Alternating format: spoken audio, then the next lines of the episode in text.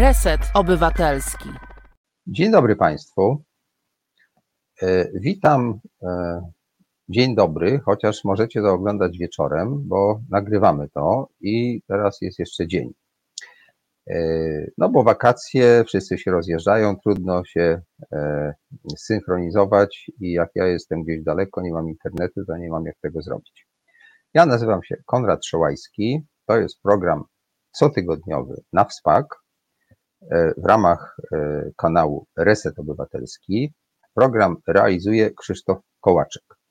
Przypominam Państwu, że Reset Obywatelski to miejsce dla wszystkich tych, którzy lubią zadawać pytania, mają jakieś wątpliwości, chcą się czegoś dowiedzieć i w ten sposób e, mają pewnego rodzaju wpływ na programy nasze, bo jak się odzywają, piszą, no teraz na żywo to nie bardzo, ale ja czytam potem maile i tak dalej i możecie też e, dzwonić do kolegów w trakcie ich żywych programów. No, żebyście mogli powiedzieć, co Wam się podoba i czego jeszcze chcielibyście, e, co chcielibyście zobaczyć czy, czy poznać.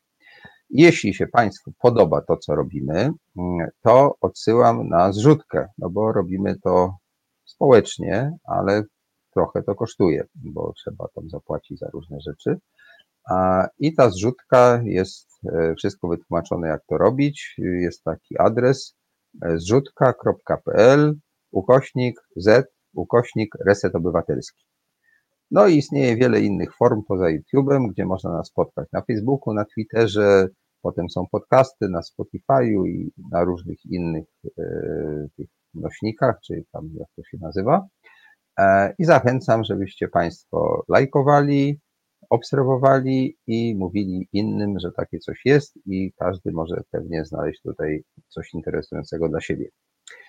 Nasi dzisiejsi goście to są moi zawodowi koledzy, mianowicie Darek Dikti, producent filmowy, czyli człowiek żyjący z eksploatacji reżyserów, dlatego zaprosiłem też. Operatorów, montażystów. Tak, tak, wszystkich tych pracowników, których zatrudnia za głodowe stawki. I dlatego zaprosiłem też reżysera Ksawerego Szczepanika, który pracuje ciężko, widać, że jest szczuplejszy, jego zarobki są mniejsze niż Dark. Dobra, i teraz tak, e, powodem, dla którego dzisiaj się konkretnie spotykamy, e, takim jak gdyby nagłym, jest fakt, że do kina wchodzi film, który wyreżyserował Ksawery Szczepanik, wyprodukował Darek Dikti, a który ja obejrzałem z przyjemnością, muszę powiedzieć. I to jest e, tak, że gdyby mi się to nie podobało, to pewnie bym Was nie zaprosił. Jako, że e, wybrałem się nawet na specjalny pokaz kinowy w Finie, tak, na Wałbrzyskiej i zobaczyłem film na dużym ekranie, zrobił na mnie spore wrażenie, e, no to postanowiłem porozmawiać z reżyserem, którego działalność wcześniej też obserwowałem Mianowicie e, Ksawery nakręcił film pod tytułem Prawda, dobro i piękno. Film o Bogdanie Porębie. Troszkę byłem zazdrosny, że on ten film zrobił, bo ja też bym taki film chciał zrobić, ale w międzyczasie jeszcze Bogdan Poręba odszedł od nas, więc może dobrze, że Ksawery ten film zrobił. Film jest dosyć zabawny i pokazuje, jak można dziwacznie myśleć, tak jak myślał Bogdan Poręba. Polecam Państwu ten film. Nie wiem, gdzie go można zobaczyć, może potem Ksawery powie. Potem zrobił jeszcze film Wielka Ucieczka, e, e, który produkował właśnie Darek, zresztą poprzedni też, którego nie widziałem, mam nadzieję, że będę miał okazję. I ostatnio ukończył film Po złoto o Kozakiewiczu. No i może najpierw e, oddam głos Ksaweremu, żeby powiedział, dlaczego chciał zrobić film o Kozakiewiczu. Zbiegły się właściwie dwie rzeczy. Po pierwsze, trafiłem na książkową biografię Władysława Kozakiewicza, którą przeczytałem z zainteresowaniem, a jednocześnie mm, i dostrzegłem w niej taki element, który generalnie mnie w życiu interesuje, to znaczy bohatera, który bardzo czegoś pragnie. Tak to było w przypadku Władysława Kozakiewicza, który ponad wszystko pragnął olimpijskiego złota a jednocześnie y, obejrzałem film dokumentalny zbudowany w całości, pełnometrażowy film dokumentalny w całości zbudowany na archiwaliach Hasifa Kapadi o, o kierowcy Sennie, kierowcy Formuły 1. Bardzo udany dokument.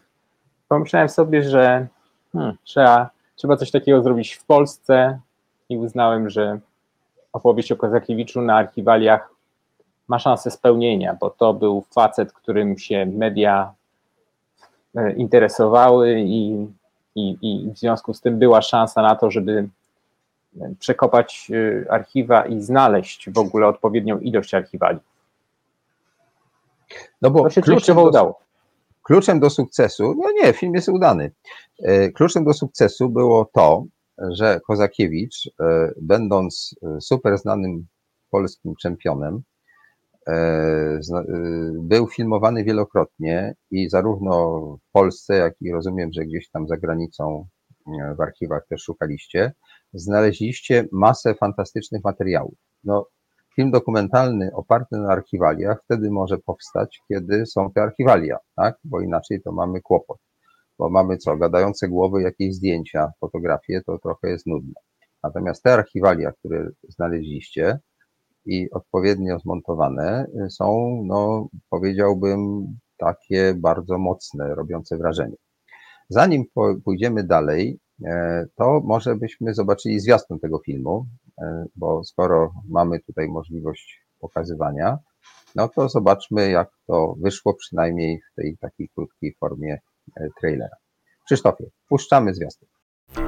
Słuchasz Resetu Obywatelskiego. Reset Obywatelski działa dzięki Twojemu wsparciu. Znajdź nas na zrzutka.pl. Atrakcyjność tego filmu jest bardzo duża, dlatego że archiwalia są niesłychanie spektakularne. Tu mamy i blisko, i daleko. Kozakiewicz jest człowiekiem o takiej silnej osobowości, jest charyzmatyczny i to się przebija. E, Nie było to łatwe, żeby to dobrze zmontować zapewne, natomiast formuła, której użyliście, była stosunkowo prosta. Mianowicie znaleźliście fantastyczne archiwalia, nakręciliście, już nie wiem ile to, wypowiedzcie, ile wywiadów, kilka, może nie wiem, pięć, siedem. I w zasadzie faktura tego filmu polega na tym, że są te genialne archiwalia plus wywiady i chyba najmocniejszy, najbardziej taki niosący to jest e, ten wywiad z Kozakiewiczem. Także widać, że w pewnym sensie to była praca prosta, a jednocześnie niesłychanie finezyjna, żeby to dobrze poukładać. To teraz producent powie, E, Czy było trudno zdobyć te archiwalia? Bo rozumiem, że Ksawery chciał, a ty mówiłeś, nie, nie, no to za drogie, nie, nie, tam nie pojedziesz.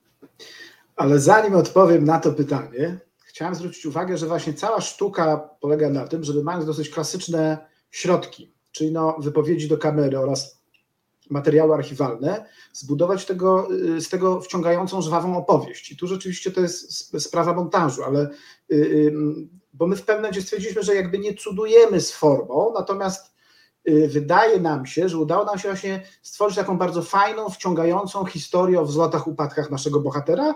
Przywydywać by się mogło no, takich dwóch dosyć oczywistych y, y, y, chwytach, które, które mamy do dyspozycji. Y, A rzeczywiście problem z archiwaliami jest taki, że one są bardzo drogie. Dużo droższe jeszcze są za granicą niż w Polsce. U nas też nie są tanie. no tak, U tylko u nas na przykład minuta powiedzmy kosztuje 5 tysięcy złotych, a w Niemczech 5 tysięcy euro. I dopiero od tego momentu zaczynają się jakieś rozmowy, negocjacje. Więc to jest taki moment, kiedy naprawdę producent, jak czyta takiego maila, no to tam z trudem dochodzi do siebie. Oczywiście daje się to tam jakoś trochę wynegocjować, ale y, robiąc taki film, odpowiednia pozycja w kosztorysie musi być zabukowana na archiwa- archiwalia i wszelkie mm, zewnętrzne zakupy. Więc no, nie jest to proste z tego względu, że filmy dokumentalne generalnie dysponują bardzo małą kasą, bo my jesteśmy na, na samym końcu tego łańcucha pokarmowego, na szczycie której są filmy reklamowe o wielkich budżetach, a my jesteśmy zupełnie po drugiej stronie i, i w podziemiu, w parterze próbujemy coś tam zrobić. Tak. No, widzów to nie obchodzi, bo oni oglądają materiał na ekranie, tak? Oczywiście, I tak. czy ty wydałeś na produkcję 15 milionów czy 100 tysięcy złotych, no to, To dla nie, widza nie ma znaczenia. nie ma żadnego znaczenia. E, Wy za stosunkowo niewielkie, podejrzewam, pieniądze ten film zrobiliście. Czy jesteś w stanie nam zdradzić, jakie to były środki i kto ci zaufał? Yy, chodzi o kwotę generalną budżetu. No, kwotę i partnerów. Yy, To było niepewne 500 tysięcy złotych. Partnerzy są dosyć yy, standardowi jak na rzeczywistość polskiego filmu dokumentalnego, czyli Polski Instytut Sztuki Filmowej, Telewizja Polska oraz dwa fundusze regionalne. Mazowiecki Warszawski Fundusz Regionalny i w ostatnim momencie jeszcze Gdyński Fundusz yy, yy, Filmowy, który no właśnie pozwolił nam te drożaste archiwalia jeszcze tam ściągnąć od tych Niemców i Francuzów. Y, Ksawery, są różne sposoby montażu. To rozumiem, że ty miałeś montażystę, ale to jednak reżyser odpowiada i za, za całość i reżyser tym montażystą jednak jakoś tam kieruje. Nawet jak go zostawia przez jakiś czas materiałem, to i tak potem może to wszystko zmienić, jeśli uważa, że to trzeba zrobić. Y, I jest kilka dróg montażowych. E, mm, Ja, żeby też jasne, ja nie mam wielkiego doświadczenia w robieniu filmów z archiwaliami. E, Troszkę tak pracowałem, ale stosunkowo niewiele. Większość filmów robiłem współczesnych, gdzie sam nakręciłem materiał, więc e, raczej tutaj korzystam z wiedzy, którą mm, posiadłem mm, dzięki kolegom.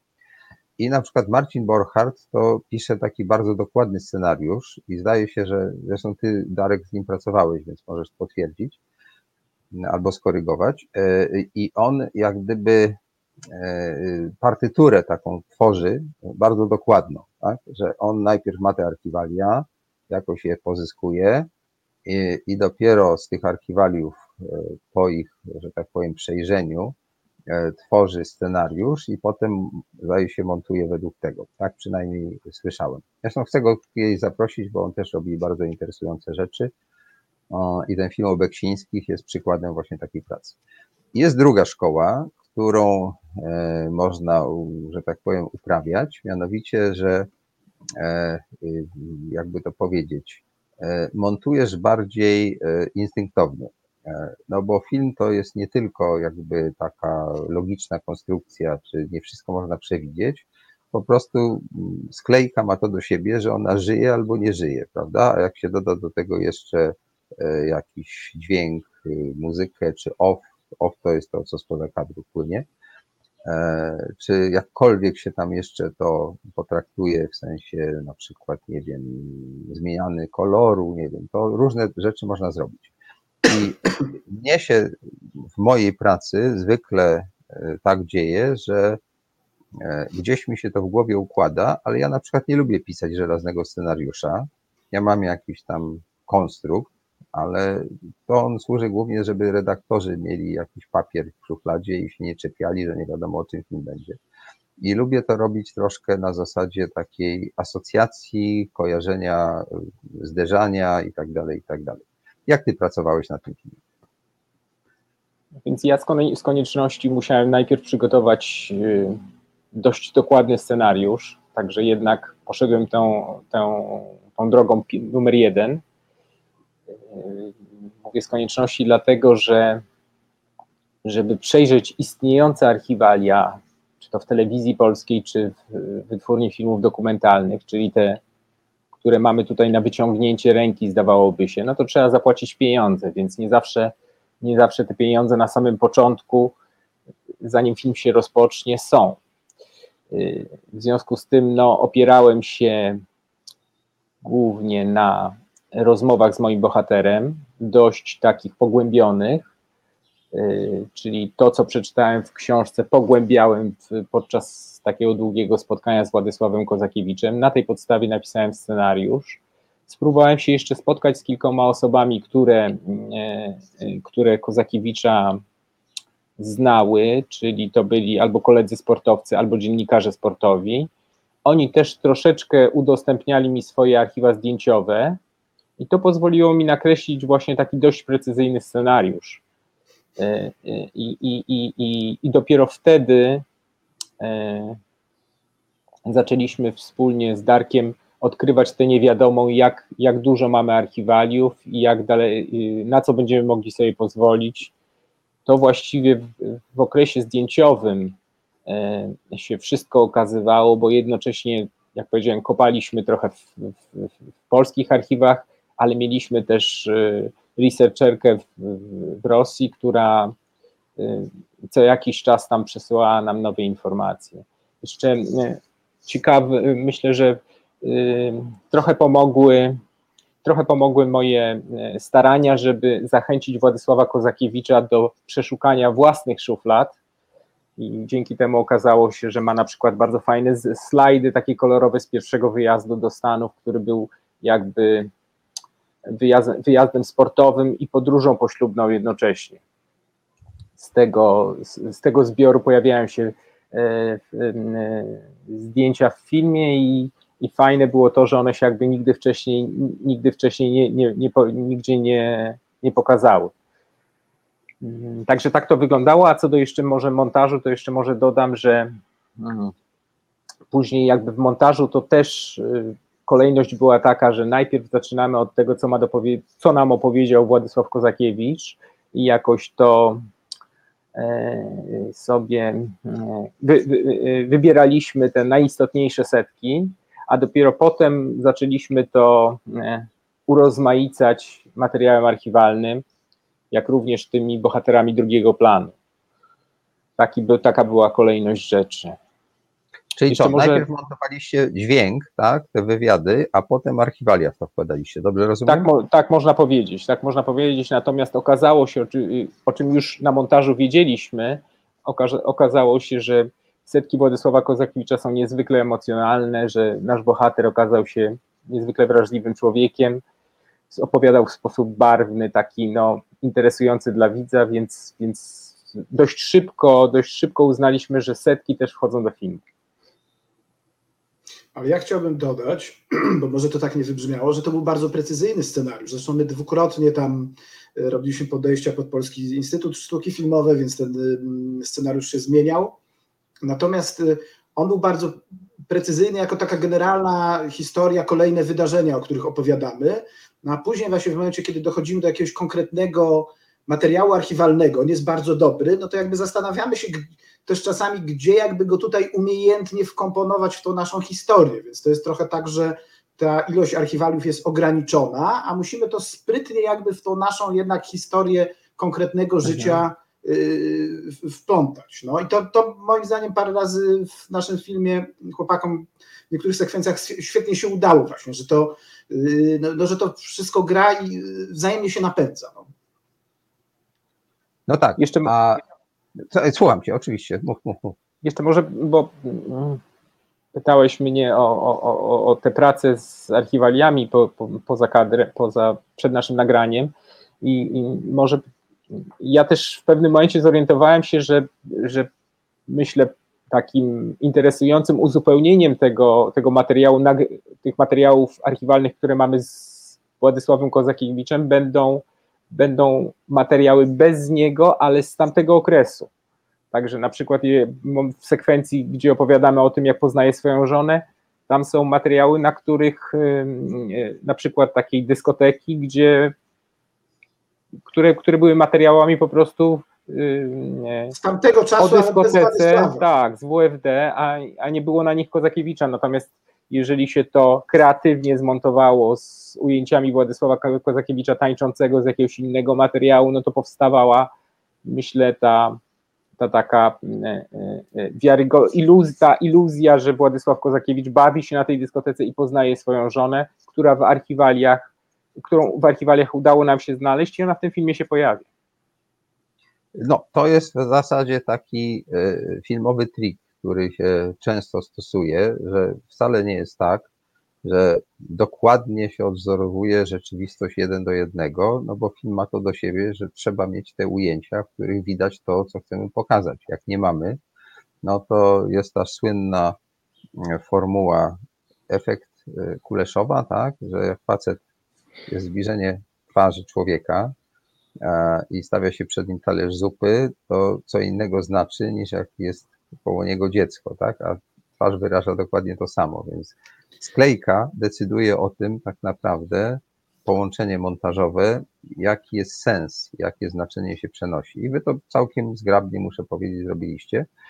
To, co może ze względu na moją biografię e, mnie tak pozytywnie w tym filmie zaskoczyło, to to, że jest tam taka nutka e, no, wspomnieniowa, ale nie propagandowa. To znaczy, to gdzieś tam właśnie to, co powiedziałeś, że używaliście materiałów, których niekoniecznie był Kozakiewicz, a tak wygląda jakby był, ale to ma jeszcze jedną cechę, mianowicie to odtwarza klimat tamtego czasu.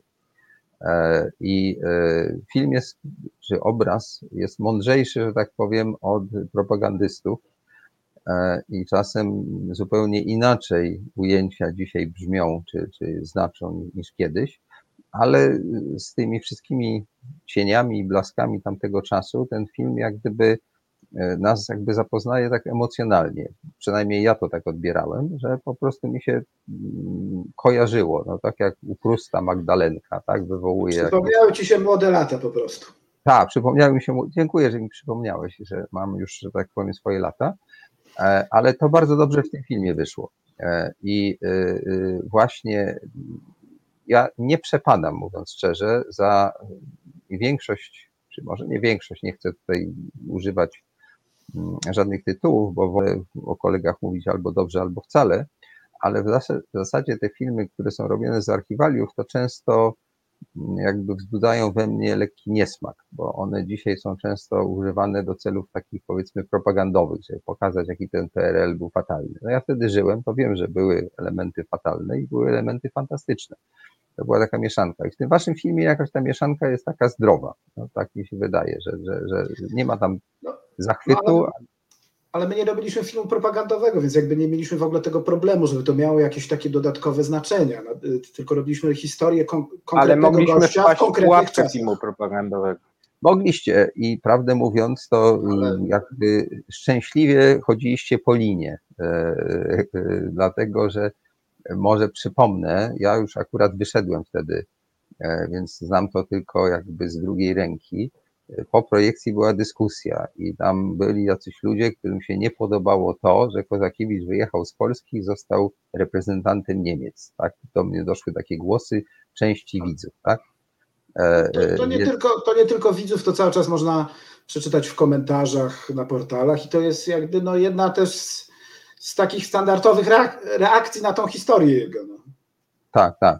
No, tak krytykując Kozakiewicza, e, no bo przecież nie wasz film, no bo wy pokazujecie to, co było faktem, to możemy, że tak powiem, dojść do Jana Pawła II, który uciekł do Watykanu, tak? Romana Polańskiego, który uciekł do Paryża e, i tak dalej, i tak dalej. To jest niedorzeczne. Facet zrobił karierę światową, e, pokazał, że E, mimo że tutaj mu utrudniano bardzo życie, nie tylko wyjechał starczą, ale także potem w waszym filmie jest scena, w której on startuje w barwach Niemiec i pokazuje, że jest dalej mistrzem i e, jest lepszy od wszystkich zawodników, którzy przyjechali z Polski, z czego dla mnie wynika, że to jest po prostu jasno powiedziane, że głupota działaczy sportowych i decydentów politycznych spowodowała, że najwybitniejszy polski e, zawodnik w tej dyscyplinie został z Polski jakby wyrzucony. I to jest dosyć ważne w tym filmie, że widać, e, jak niedobrze, gdy działacze i politycy zaczynają grzebać, że tak powiem, w takich sprawach, tak? Dotyczy to sportowców, artystów, pisarzy i tak dalej. No to jest jak gdyby, ma to szersze znaczenie. To nie tylko chodzi o to, że tak się zdarzyło, prawda? Ale tam jest jeszcze, znaczy tam jest jakby taki moim zdaniem trochę inny aspekt. Patrzymy teraz z dzisiejszej perspektywy, gdzie mamy Unię Europejską, świat jest zglobalizowany i tak dalej, a jeśli jesteśmy w 80 roku i to są bardzo często przeniesione emocje z tamtego czasu, to na przykład pamięć o II wojnie światowej jest bardzo mocna wtedy, i taka decyzja, żeby pojechać do Niemiec, ale też um, otrzymać obywatelstwo niemieckie, no to już nie jest takie hop jak teraz, gdzie połowa ludzi po prostu sobie mieszka tam, gdzie chce, albo sobie wyjedzie, albo wróci i to nie ma znaczenia. Więc ja mam wrażenie, że ci, co tak bardzo ostro protestują przeciwko temu, tej decyzji Kozakiewicza, no to to są właśnie te emocje jakby z tych starych czasów. Także wydaje mi się, że jakby z dzisiejszej perspektywy to no, zupełnie inaczej działa. Chociaż gdyby na przykład Lewandowski zaczął grać w reprezentacji Niemiec, to ja nie wiem, czy troszkę mniej fanów y, by mu się na Facebooku nie zrobiło. No możliwe, ale właśnie rozumiem tę argumentację i myślę, że w roku 80 propaganda, czy w ogóle w latach 80 propaganda PRL-owska mogła tą kartą niemiecką grać. Ale popatrzmy na to troszkę inaczej. Ja akurat miałem taką okazję i, i dużo byłem na zachodzie i jeździłem tam jeszcze w latach 70. E, to. Dobra, teraz skąd miałeś paszport? Przecież to był y, limitowany, rzadko dostępny Nie, to, właśnie to jest, to jest legenda. Generalnie rzecz biorąc, y, moi wszyscy koledzy, którzy zresztą konspirowali i tak dalej, którzy przewozili, w czym ja czasem troszkę pomagałem, książki z paryskiej kultury, y, myśmy jeździli do Belgii, tam pracowali jako robotnicy, jeździliśmy do Paryża, do paryskiej kultury. Także to oczywiście. Ale to były lata 70. Tak, to były lata Już nie 70. 80. No nie, ja dlatego oczywiście sobie żartuję, natomiast inna sytuacja jest w 70., kiedy Za dobrego wujka Gierka, daje tak. paszporty i tak dalej, a po 80 wiadomo jest znaczy, zakręcenie. Nie po 80, tylko po 81. Akurat No w tak, 80. dokładnie po 81 W oczywiście. 80 roku ja byłem w Brukseli e, i gdzieś usłyszałem e, Lesz Waleza w jakichś wiadomościach francuskojęzycznych w Brukseli się pojawił jakiś Lesz Waleza. Ja wróciłem do Polski dopiero we wrześniu e, i się dowiedziałem, że jest jakiś Lech Wałęsa. W ogóle nie wiedziałem, że jak ten facet się nazywa, tak? A myśmy tam wszyscy pracowali, no żeby zarobić na życie po prostu, bo wtedy tak po prostu było.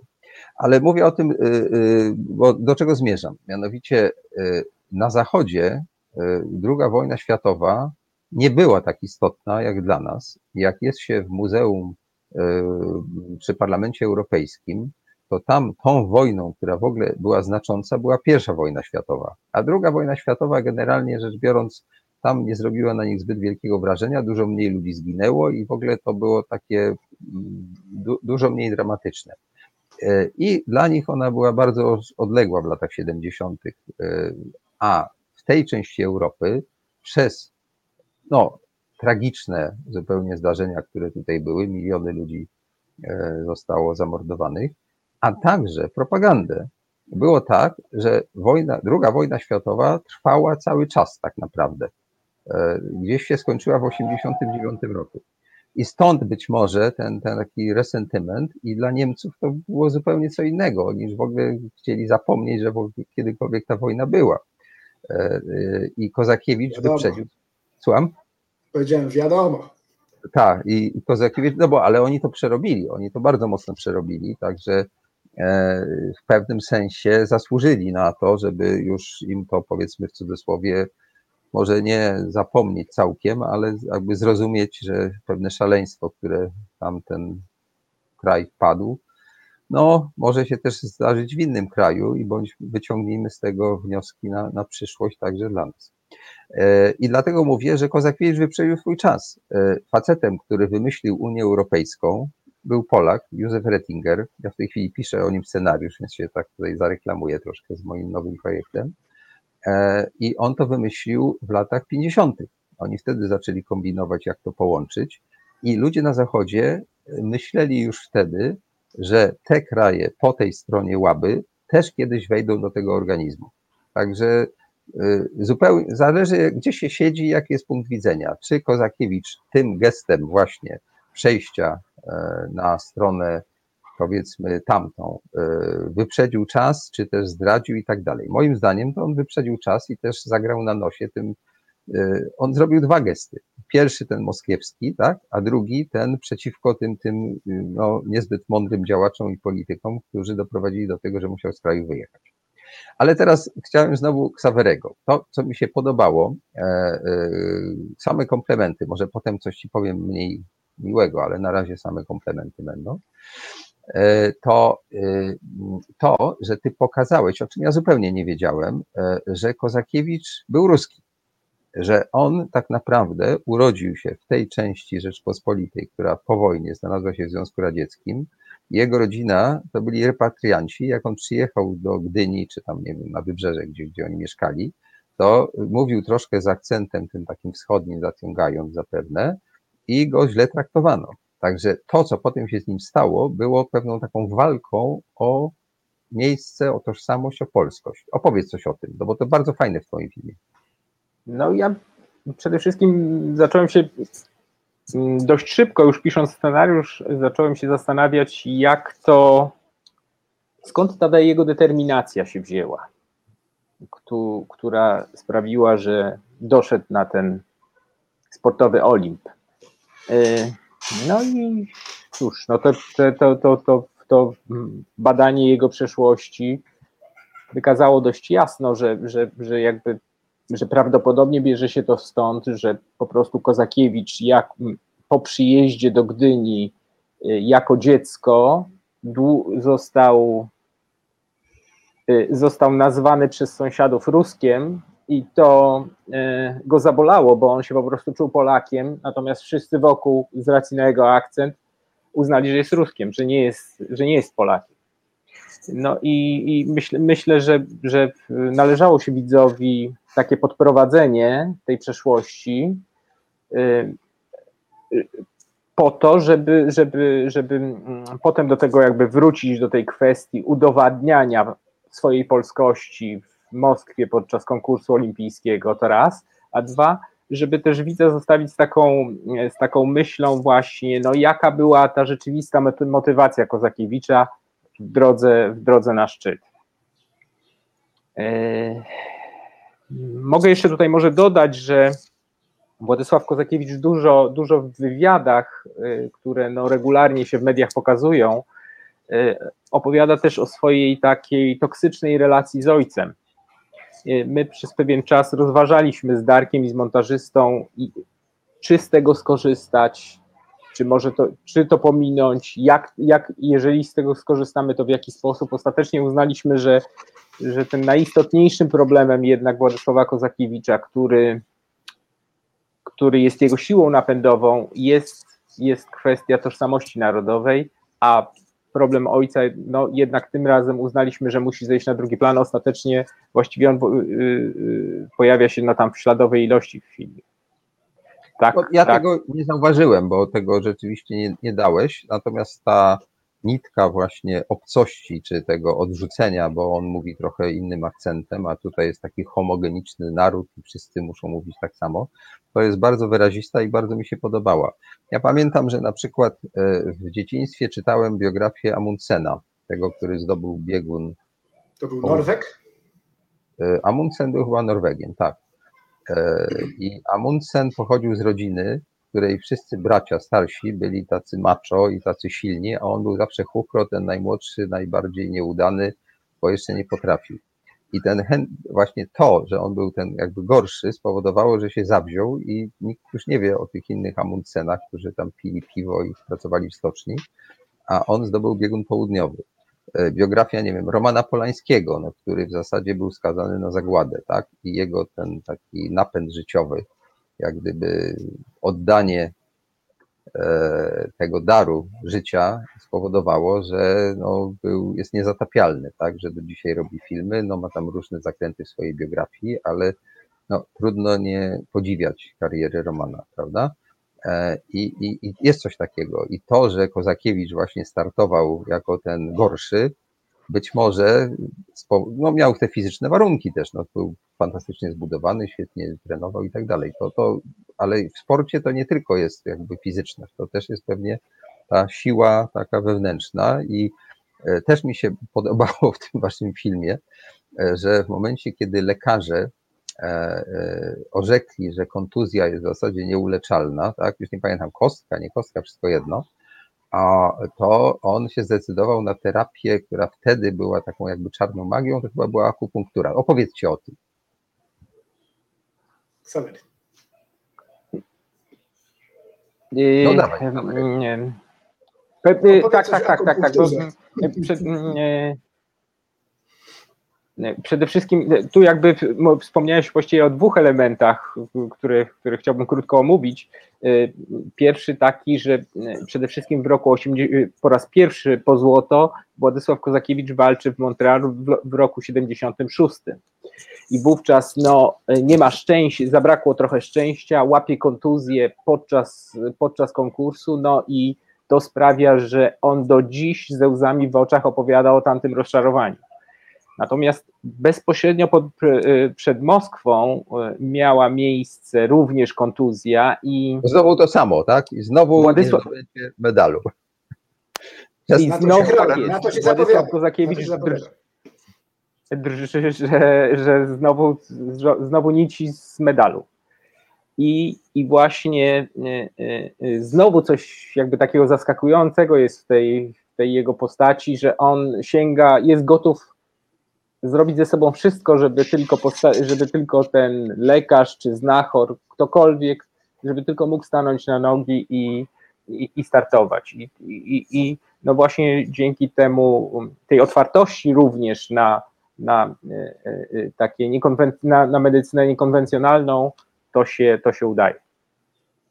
Tak, tak. No on wykazał się pewną odwagą i determinacją, że poszedł w tę stronę i okazało się, że postawił na dobrego konia, tak? Bo przecież ta kontuzja była taka, że no, szansa, że w ogóle wystartuje, była niewielka, a że jeszcze zdobędzie medal, to w ogóle właściwie prawie żadna, tak? No, jeśli facet jest y, fizycznie niesprawny. A się okazało, że siła charakteru i te igiełki czy coś spowodowały, że mógł. E, także... Oraz jeszcze, oraz jeszcze spowodowała, znaczy to, o czym teraz mówimy, to to jest właśnie umiejętne budowanie dramaturgii. Czyli Dokładnie tak.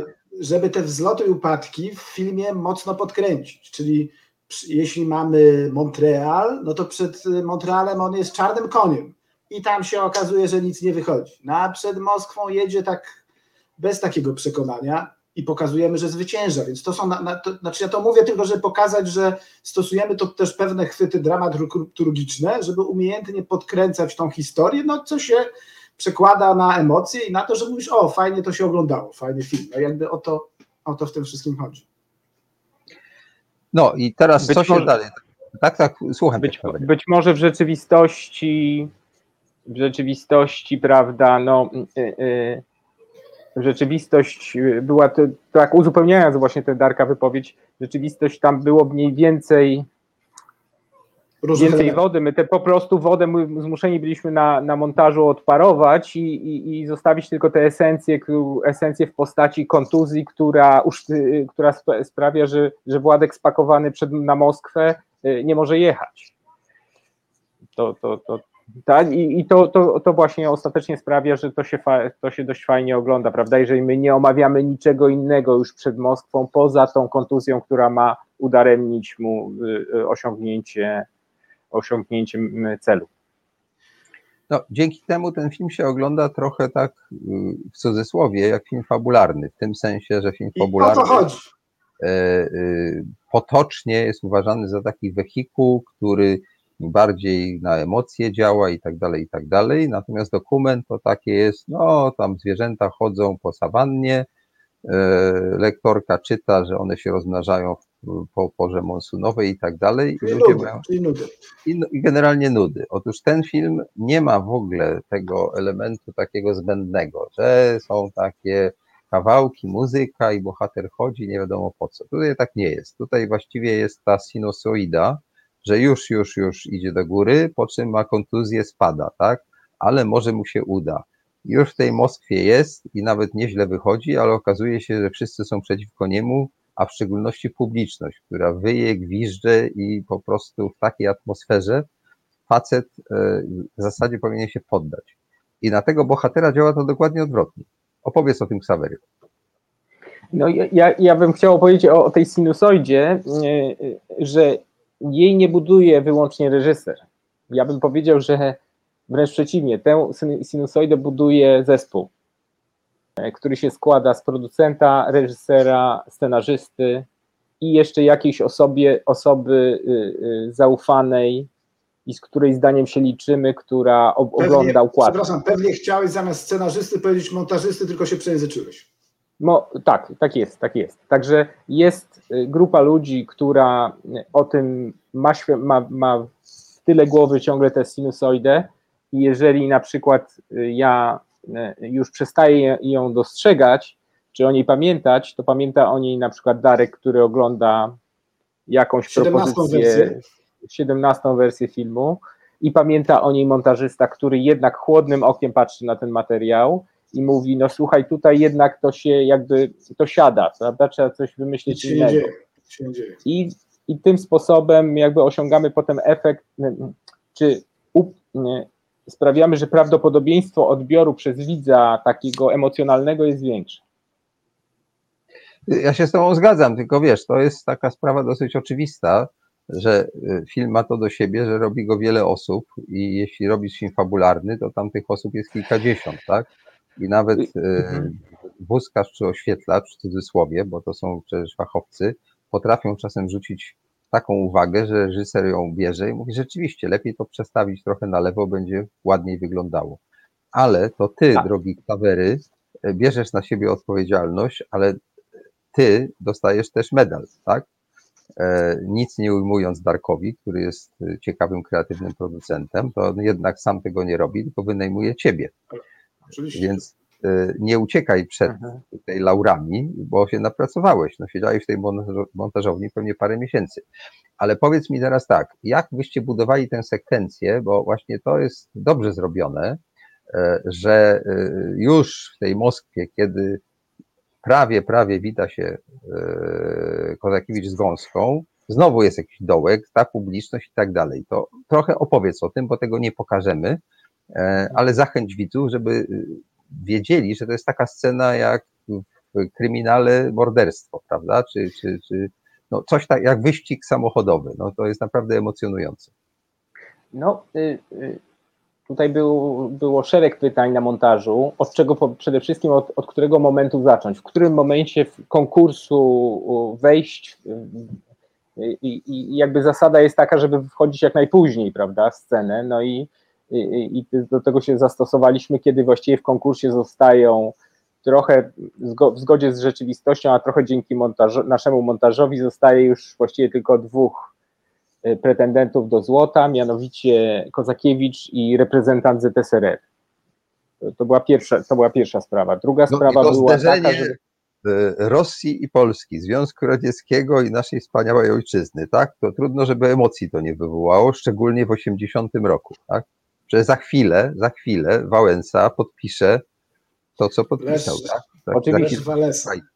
Druga sprawa była taka, żeby utrzymać widza w przekonaniu, że to jednak, że, że, że Władkowi się nie uda. W związku z tym oby, y, reprezentant ZSRR skacze y, nadal wysoko, nadal nie zrzuca poprzeczki. I trzecia rzecz, najistotniejsza wydaje mi się, to była decyzja, co jest ważniejsze. Rekord świata czy gest? Y, Czy skok, innymi słowy, skok, który daje złoto, czy gest? I tu nam y, z pomocą przyszła właściwie rzeczywistość, bo w pewnym momencie tego konkursu okazuje się, że, y, że e, Rosjanin zrzuca, zrzuca poprzeczkę, w związku z tym będzie drugi. Władysław wygrywa, ale jeszcze dalej skacze. I wtedy dopiero uruchamiamy kwestię, która jest najbardziej rozpoznawalna i najbardziej związana z Kozakiewiczem, czyli jego gest wobec nieprzychylnej mu publiczności. I to te, te decyzje doprowadziły no, do, do takiego, takiego, a nie innego skonstruowania tej sceny. No tak, bo ta A scena jednocześnie- właśnie jest sceną.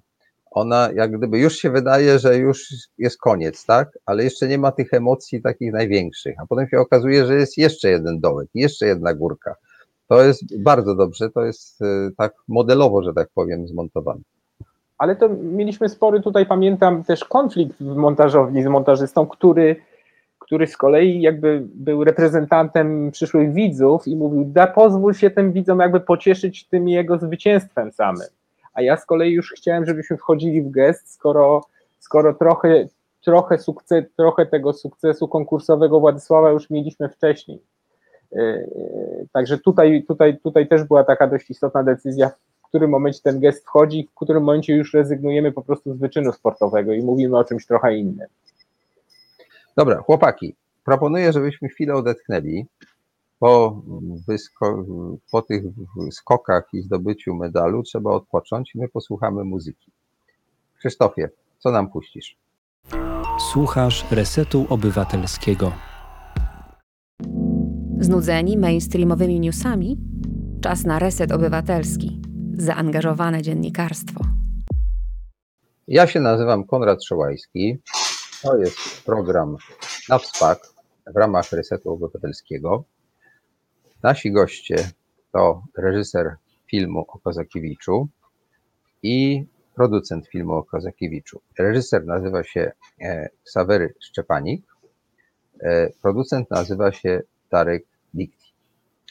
E, rozmawiamy o tym filmie, bo mi się bardzo podobał, dlatego postanowiłem panów zaprosić i przepytać. Ale też chcę trochę z wami popolemizować po tych wszystkich miłych słowach. Dlaczego tak mało żony Kozakiewicza jest w tym filmie? Od kogo zaczynamy? Ja? ja mogę powiedzieć z mojego punktu widzenia. Zola mieszka w Niemczech, więc trzeba było A. oszczędzić oczywiście na dojazdach. A mówiąc tak jednak bardziej serio, yy, no to ja zawsze staram się z reżyserami, z którymi współpracuję, znaczy określić taki jasny, klarowny kierunek, o co walczymy i o czym jest film. I myślę, że w pewnym momencie z Ksawerem doszliśmy, że jest jednak, znaczy to jest taki, taki one-man show Kozakiewicza, że to jest jednak y, jego historia, on to opowiada i nawet bliska rodzina gdzieś jest na dalszych planach niestety, a najważniejsza jest ta jego droga, jego, jego wyczyny i z mojej perspektywy ja poczułem i tak jakby dla mnie to było naturalne, że w związku z tym tych wątków rodzinnych, osobistych nie drążyły. Natomiast mogę powiedzieć, że parę osób również o to mnie zapytało. Znaczy, że, że ludziom tam gdzieś jakoś brakuje tej takiej tej, tej, tej perspektywy osobistej, ale, ale mam wrażenie, że właśnie ten nasz, nasz jasno wyznaczony kierunek y, generalnie jest dobry. No. Ksawery, ja, ja mogę tylko powiedzieć, że mm, ja oczywiście miałem tego świadomość, że mm, jej brakuje. Natomiast w momencie, kiedy nabrałem przekonania, że, że chciałbym z nią zrobić wywiad i włączyć ją do filmu, no to właściwie już byliśmy za daleko w, jakby za daleko w montażu i, i, i, i właściwie no realia też takiej produkcji dokumentalnej w Polsce są no właśnie takie, żeby że no trzeba czasem, zmienić czasem koncepcję. Trzeba zmienić koncepcję moim zdaniem. Ale y, y, y, nie ma, znaczy w ogóle nie tylko żony, brakuje w ogóle kobiet troszeczkę mi się wydaje w tym filmie. One się oczywiście pojawiają w archiwaliach, ale żadna, żadna kobieta nie, nie uzupełnia tej historii, a przecież mogłaby obok tych panów, którzy tam się w tym, w tym filmie pokazują, sportowców i dziennikarzy, mogłaby się przecież pojawić jakaś kobieta, sportsmenka z tamtych lat, E, e, e, no tutaj ja biję się w pierś, że to, że to powinno być troszkę inaczej i, i że powinniśmy byli zaprosić do tego przedsięwzięcia kobiety związane jakoś, które również pamiętały Kozakiewicza. Nie mamy pewności, czy one byłyby na pewno dałyby nam ten wgląd, dobry wgląd w życie osobiste Kozakiewicza, coś odkryły przed nami, czego Kozakiewicz nie, zdo, nie, nie zdecydował się odkryć, ale no, też nie podjęliśmy tej próby. Ja myślę, że sprawa kobiet to nie jest taka, że musi być parytet i że kobiety są lepsze. Nie są lepsze ani nie są gorsze. Po prostu generalnie to jest mniej więcej połowa ludzkości, tak? Nawet ciut więcej. Nawet, nawet większa połowa. Tak, tak, tak. Także w tym sensie taki pewien e, jakby drugoplanowość tych kobiet jest w tym filmie taka troszkę patriarchalna, bym powiedział. E, I feministki tutaj pewnie będą miały do Was pretensje. Ale e, ja nie jestem feministką.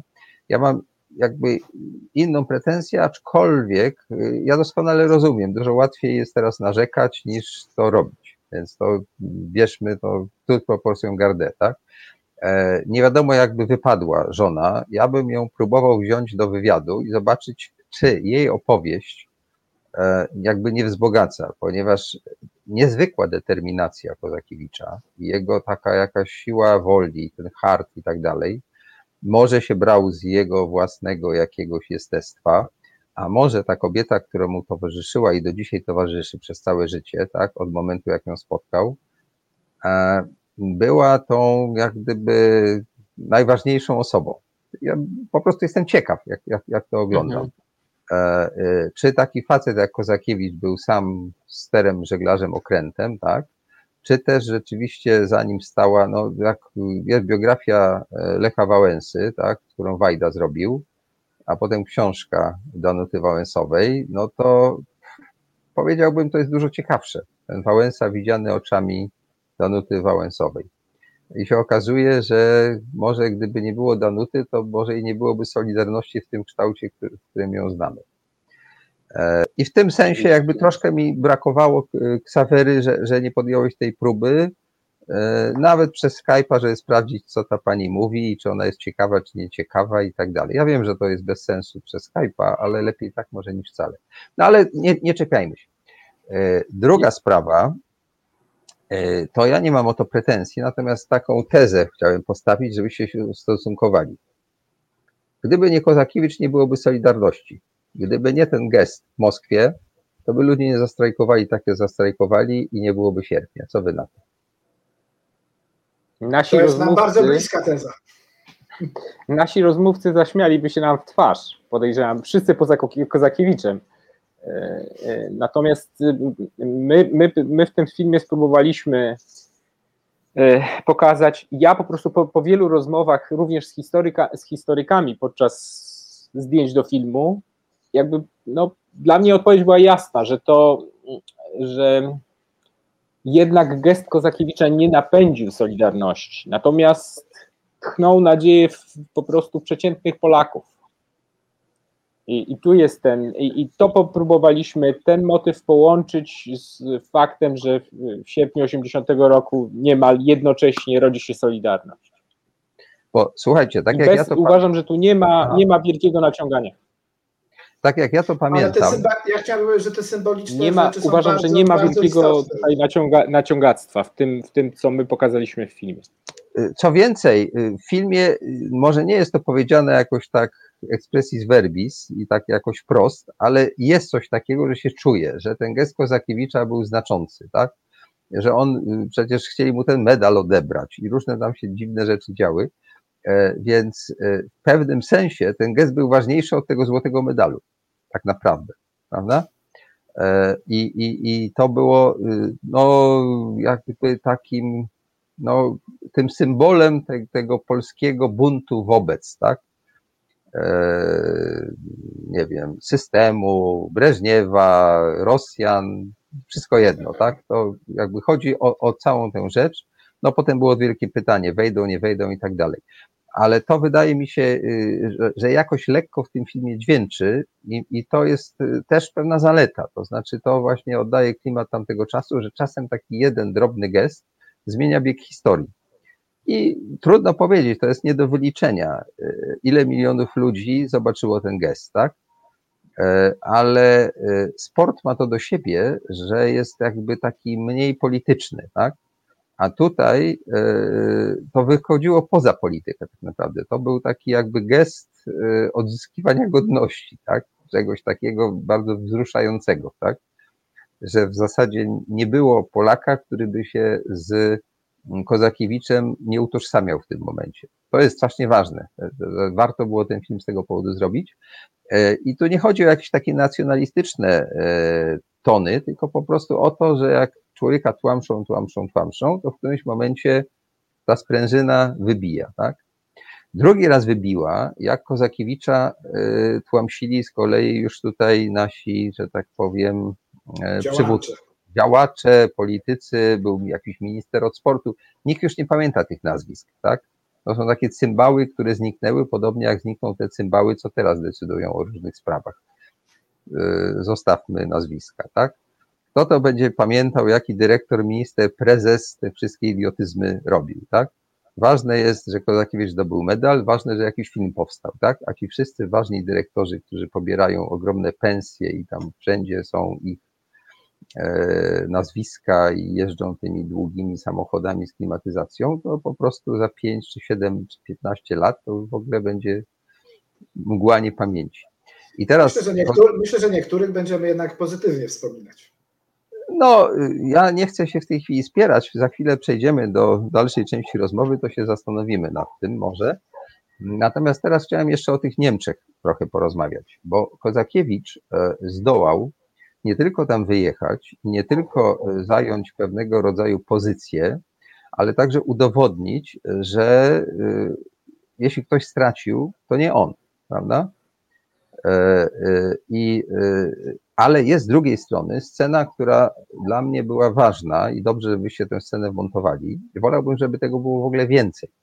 Mianowicie jest jakaś impreza, jakaś restauracja, siedzą jacyś brzuchaci Niemcy, jedzą jakieś dobre rzeczy i Kozakiewicz szykuje się do skoku i okazuje się, że w tej knajpie e, zrobili coś takiego, jak w wielu restauracjach bywa, że są jakieś występy, które umilają gościom e, posiłek, a to ktoś tam brzęka na czymś, a to ktoś tam śpiewa albo tańczy, a tu Kozakiewicz skacze wzwyż, tak, o tyczce. To pierwszy raz coś takiego widziałem, że to w knajpie się dzieje.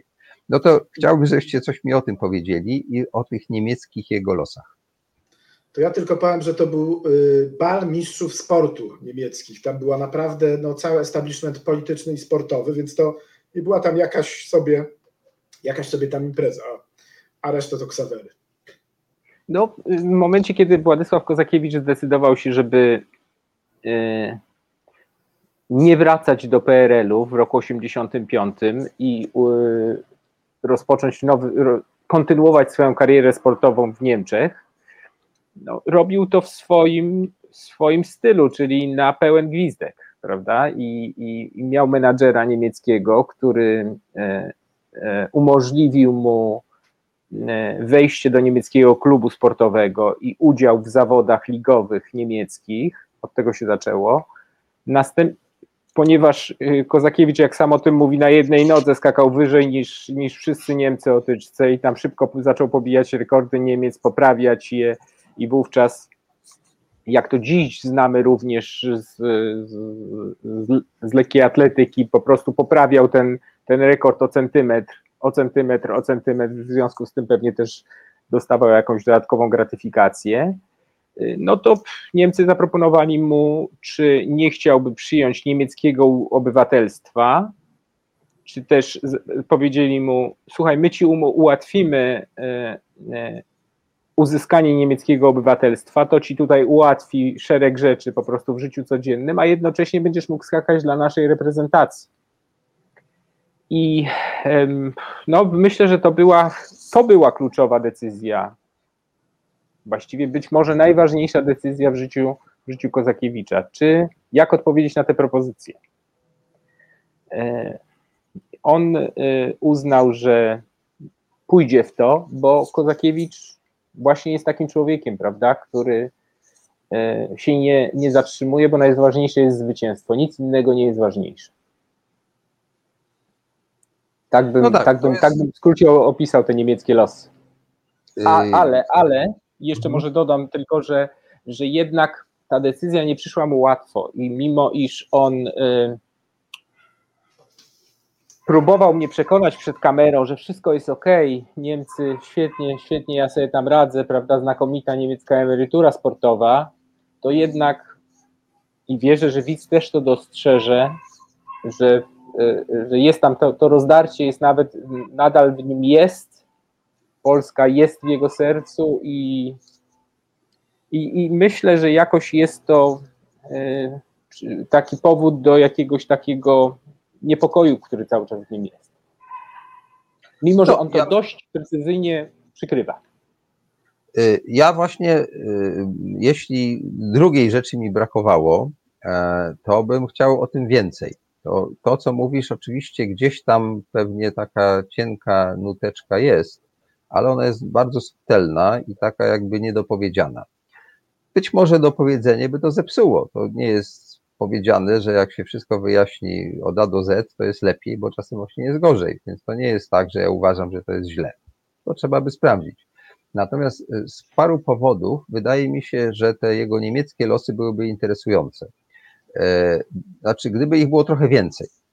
E, po pierwsze, ta scena, e, o której mówiłem, to y, może ja nieuważnie oglądałem, ale ja nie, nie złapałem, że to tacy mistrzowie sportu czy tam coś, tylko zobaczyłem knajpę, siedzą jacyś ludzie przy kotlecie W pierwszym A... ujęciu wchodzi Helmut Kohl do tej knajpy, ale no to trzeba pamiętać Helmuta Kohla oczywiście. Trzeba pamiętać y, Helmuta Kohla, gruby, wielki facet.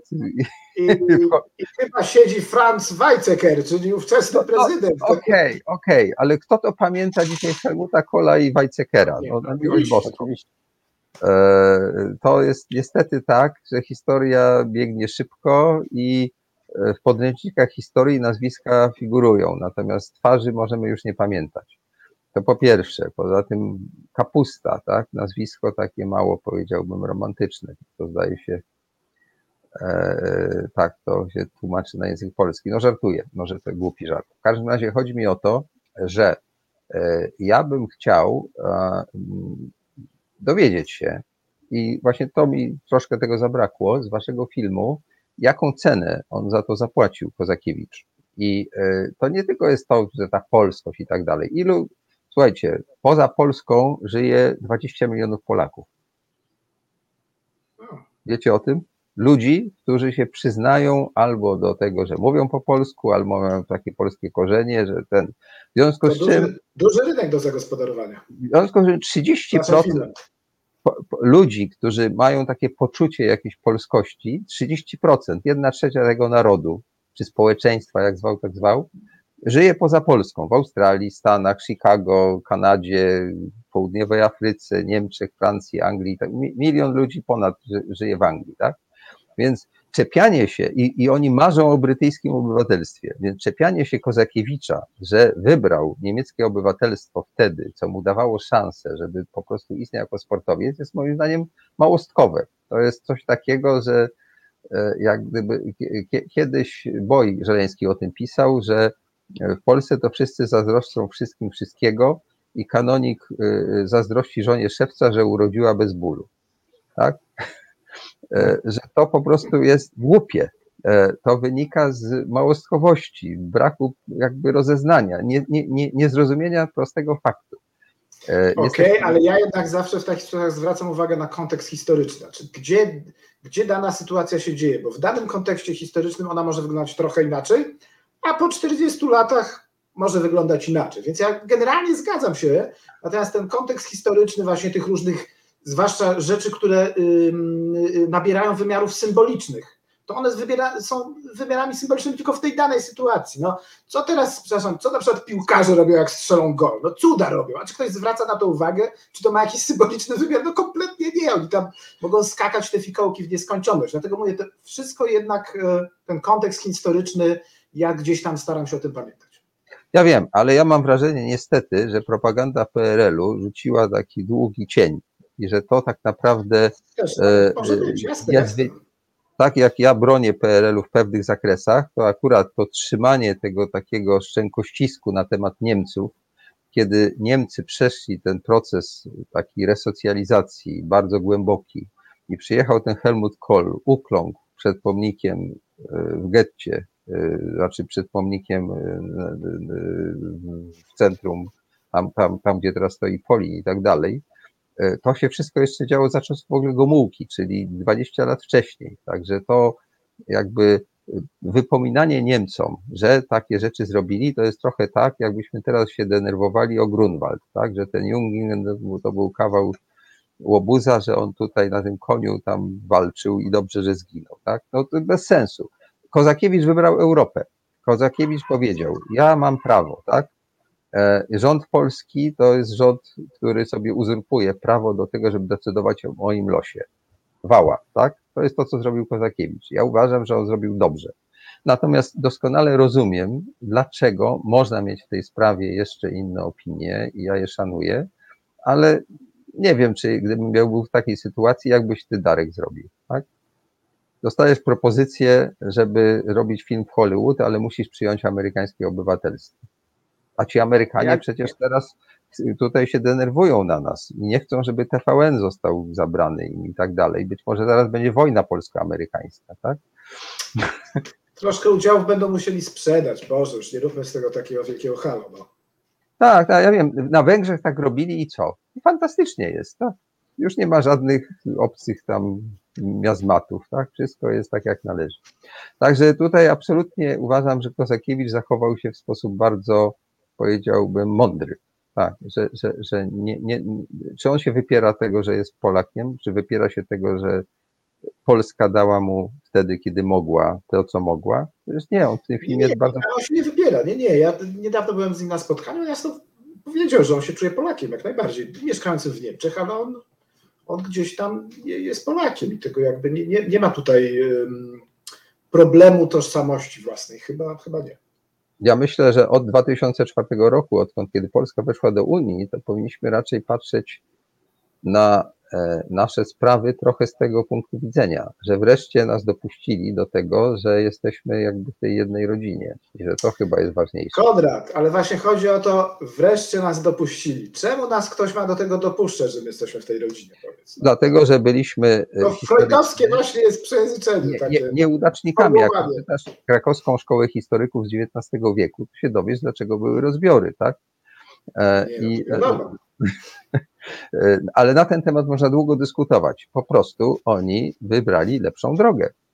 Możesz wybrać drogę na prawo i na lewo. Jeśli pójdziesz w niewłaściwą stronę, to będziesz biedny. Jak pójdziesz we właściwą stronę, będziesz bogaty. Oni poszli we właściwą stronę. To jest bardzo proste. My kupujemy niemieckie samochody. Gdzie masz te polskie samochody? My kupujemy francuskie wina i tak dalej. Gdzie masz te polskie wina? No, bądźmy tu, tu a gdzie, masz, a gdzie masz te polskie kolonie, które pozwoliły zarobić na te fabryki niemieckich samochodów? Pol, polskie, kolonie, polskie kolonie były, tylko my nie, nie mamy odwagi, żeby je tak nazywać. To był Ale ten... masz, masz na myśli te y, kresy wschodnie, rozumiem? A, absolutnie, to było przecież to samo.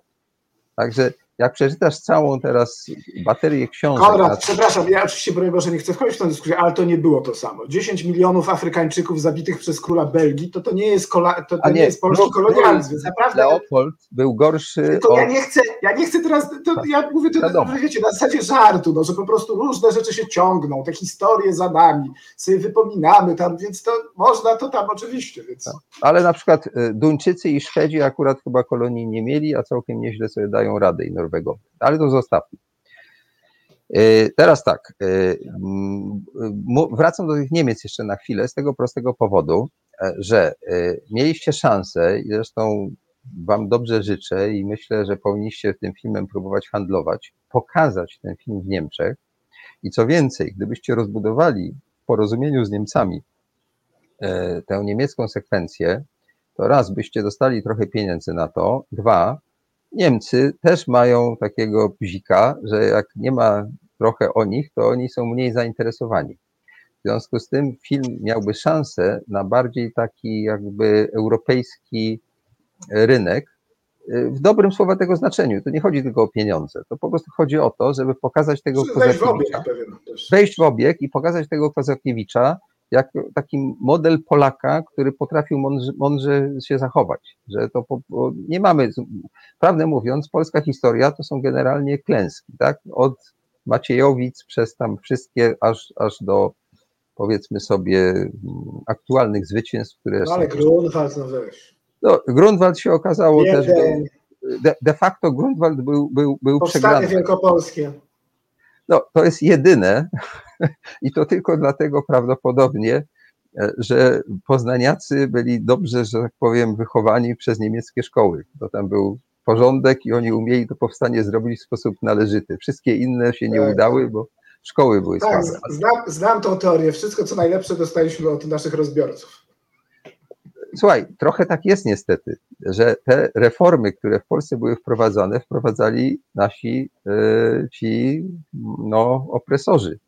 E, Pańszczyznę zlikwidowały tamte państwa. Tutaj nie mogliśmy sami tego zlikwidować.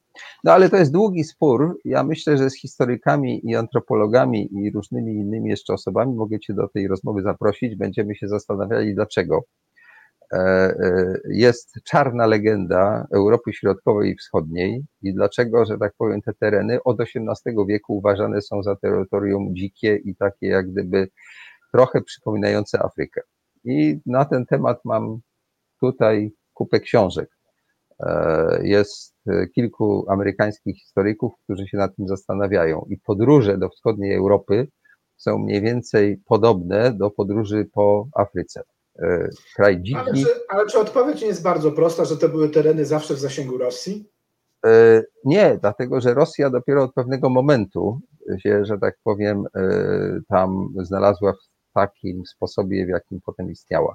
Raczej by, by, były to w zasięgu Tatarów i różnych innych tam jakichś No ludów. ale mówię w ogóle o ten taki wschodni tygiel, oczywiście. No. Zgoda, zgoda, to, to, mamy pecha, no, jesteśmy w tym miejscu, gdzie jesteśmy, ale na, na przykład e, Finowie też byli w tym zasięgu, a generalnie rzecz biorąc, jak pojedziesz do Finlandii, to zobaczysz, jak tam jest. W związku z czym nie zawsze położenie e, blisko Rosji jest takie fatalne. I Finowie potrafili na przykład się obronić przed agresją Rosji, a Polska przed agresją sowiecką nie. No, ale wróćmy do naszych baranów. E, e, Ja Wam dobrze życzę, w związku z czym bym próbował z tym Waszym filmem dostać się gdzieś do, do Niemiec, a nawet gdybyście mieli ochotę, zaproponować im, że y, możecie zrobić, nie wiem, rozszerzenie tego filmu, e, dobudowanie sekwencji niemieckiej. Ja bym się tego nie brzydził, bo film jest na tyle dobry, że go nie zepsujecie, jeśli rzeczywiście Wam by się chciało. Taki, taki epilog, powiedzmy. Mhm. Tak, znaczy nawet gorzki, nawet taki, że to jest pewna ceną, którą się, którą się płaci i że, y, ale ten wybór to jest trochę taki wybór, y, czy brać udział w powstaniu warszawskim, skoro ono już wybuchło, tak? To nie miało sensu, ale jakby trudno było nie walczyć, tak? I to trochę w takiej sytuacji był Kozakiewicz, że zostać tutaj to by klepał biedę i by się sfrustrował i skończył jako alkoholik być może, tak? A bo tak, takie te czasy były. A jak tam wyjechał, no to trochę rzeczywiście łezkę uronił, ale za to jest tak, jak jest, tak? Jest wybitnym niemieckim sportowcem i jeszcze sporo ciekawych rzeczy może w życiu zrobić. Dobrze, ale to jak gdyby są takie refleksje, które możemy snuć długo. Ja chciałem, żebyśmy przeszli jeszcze do następnego tematu, e, czyli zastanowili się nad w ogóle Twoją działalnością, Darku, Ja nie mówię o tym w złym sensie tego słowa, tutaj nic, nic nie sugeruję, żeby było jasne. E, e, I w jakim sensie Ksa- e, Ksawerego, mianowicie jak się w Polsce robi filmy dokumentalne. Żebyśmy teraz jakby odbijając się od udanego niewątpliwie filmu, który nie był bardzo drogi, jak na, jak na taki film to on był względnie tani, e, to e, no właściwie dlaczego jest tak źle. Dlaczego y, ja mam takie wrażenie, że żyjemy teraz w okresie, teraz tutaj wyleję tutaj różne skargi swoje, e, jak włączysz sobie internet i popatrzysz na to, co jest na Facebooku, jak y, popatrzysz na to, co jest na YouTubie, ilość różnych YouTuberów, facebookowych jakichś transmisji, to y, i ja nie mówię jakby o polityce, że to trzeba zaraz robić y, y, coś agitacyjnego, bo to niestety jest ten kanał, w który no, wiele osób wpada. Natomiast mam takie wrażenie, że jest trochę tak jak w stanie wojennym. To znaczy, że po prostu poza wtedy taką niszą, jaką było studio Iżykowskiego i szkoły filmowe, nie można było nic zrobić o stanie wojennym. Kompletnie. Po prostu ten stan wojenny nie istnieje w polskim filmie. Z trudem Szlam, Kieślowski, słucham? Powiedziałem słowo szlaban. Tak. Szlaban. Szlaban Trudem. Kieślowski, który miał, miał pozycję już taką, że wy- wywojował, wywojował film, za który dostał po głowie pod tytułem Bez końca na przykład, prawda? E, Więc były wyjątki. Powstał film Bosiewicza Wigilia w studiu Jerzykowskiego. E, Powstały filmy w a, szkołach filmowych. E, Ja tu nie, nieskromnie powiem, że mi się udało zrobić film o dzienniku telewizyjnym, dziennikarze 82, ale dlatego, że byłem studentem. Dlatego mnie tam wpuścili, bo takiego studenta to tam, a co taki student może zrobić? E, I parę osób zrobiło też jakieś takie rzeczy, które no, są zapisem tamtego czasu. E, Gdzie masz w dokumencie zapis naszego czasu? To ja mogę krótko zacząć, bo mam swoją teorię na ten temat. Znaczy, pierwszy problem dla mnie to są jednak niestety y, szkoły filmowe, które mm, u młodych adeptów reżyserii mm, wytwarzają taki obraz, że to, co oni robią, to musi być bardzo autorskie, bardzo artystyczne i bardzo osobiste. I to się przenosi na to, że jest no, nie- nie- niewielu reżyserów i reżyserek podejmuje tematy jakby społecznie zaangażowane. A jeśli społeczne, no to naprawdę już jakiś taki tam no, no, jakiś dół społeczny, albo ten przysłowiowy nowotwór w rodzinie, jakby taka, no ta, taki interwencjonizm społeczny. Natomiast rzeczywiście ja mam wrażenie takie, że ta młodzież, już nie taka młodzież reżyserska, wcale się jakby nie chce chwytać za rzeczywistość, która jest tu i teraz, z jednej strony, a z drugiej strony, y, ale to już jest takie moje, moje bardziej takie producenckie z kolei takie narzekanie, wychowani w tym duchu takim artystycznym, zapominają o widzach. Ja zawsze, y, kiedy już pracuję z reżyserem nad projektem, zwłaszcza na tym etapie montażu, przypominam, słuchaj, to ma ktoś oglądać, to ma dla niego pasjonujące przeżycie. Pamiętajmy o tym, że robimy to dla widzów. I wtedy jakby taka postawa no też uruchamia pewne rzeczy. Więc moim zdaniem początek problemów zaczyna się w szkołach artystycznych, no, które gdzieś tam jakby takie zaangażowanie na przykład w bieżące życie traktują jako coś gorszego, no, jako, jako formę na przykład dziennikarstwa. I tak to się później toczy.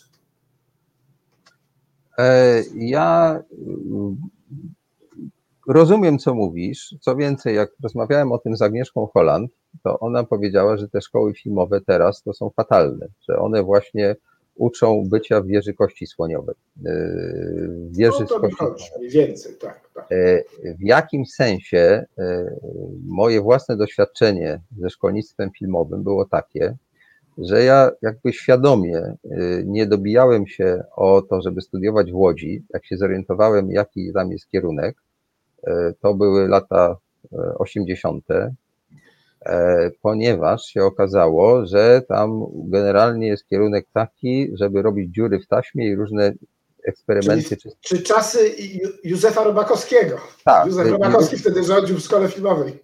E, różne eksperymenty i ówczesne władze to uwielbiały, ponieważ to było jakby pełna wolność w zakresie takim, że to w zasadzie nikogo nie obchodziło i tak dalej.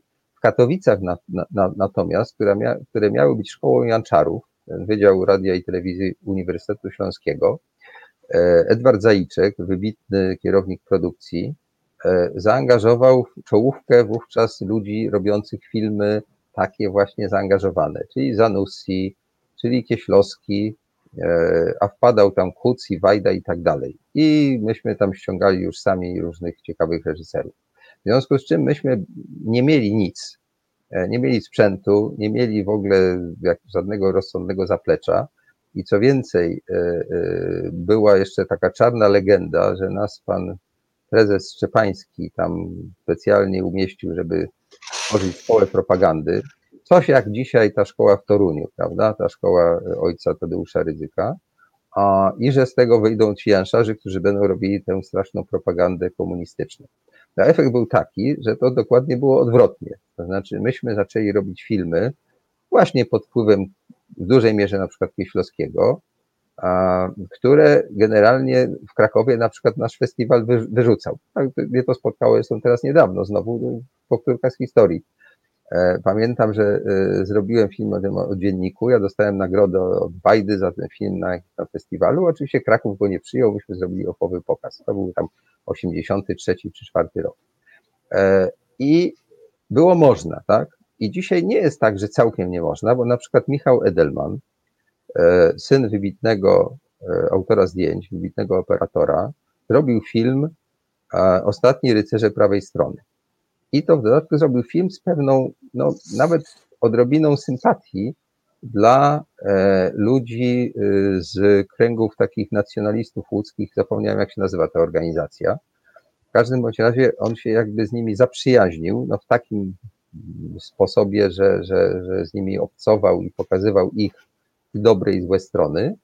I powstał, nie wiem czy znacie ten film, e, powstał moim zdaniem bardzo wybitny portret właśnie tych nacjonalistów, e, z którego wynika, że to są w dużej mierze ludzie skrzywdzeni przez życie, odrzuceni, którzy znaleźli właśnie w tej ideologii, w tym sposobie bycia i glanowaniu ludzi na ulicach pewnego rodzaju rekompensatę dla ich nieszczęść. A z drugiej strony bywają sympatyczni, robią e, jakieś tam zbiórki na chore dzieci i tak dalej. Także to nie są jak, jakieś potwory chuligani, którzy tylko by niszczyli. Ten film jest robiony z bliska, to znaczy on jakby jest z nimi, ale ich nie chwali, on po prostu ich pokazuje. To pytanie, dlaczego, mimo że w szkole można, I ten Michał mógł to zrobić.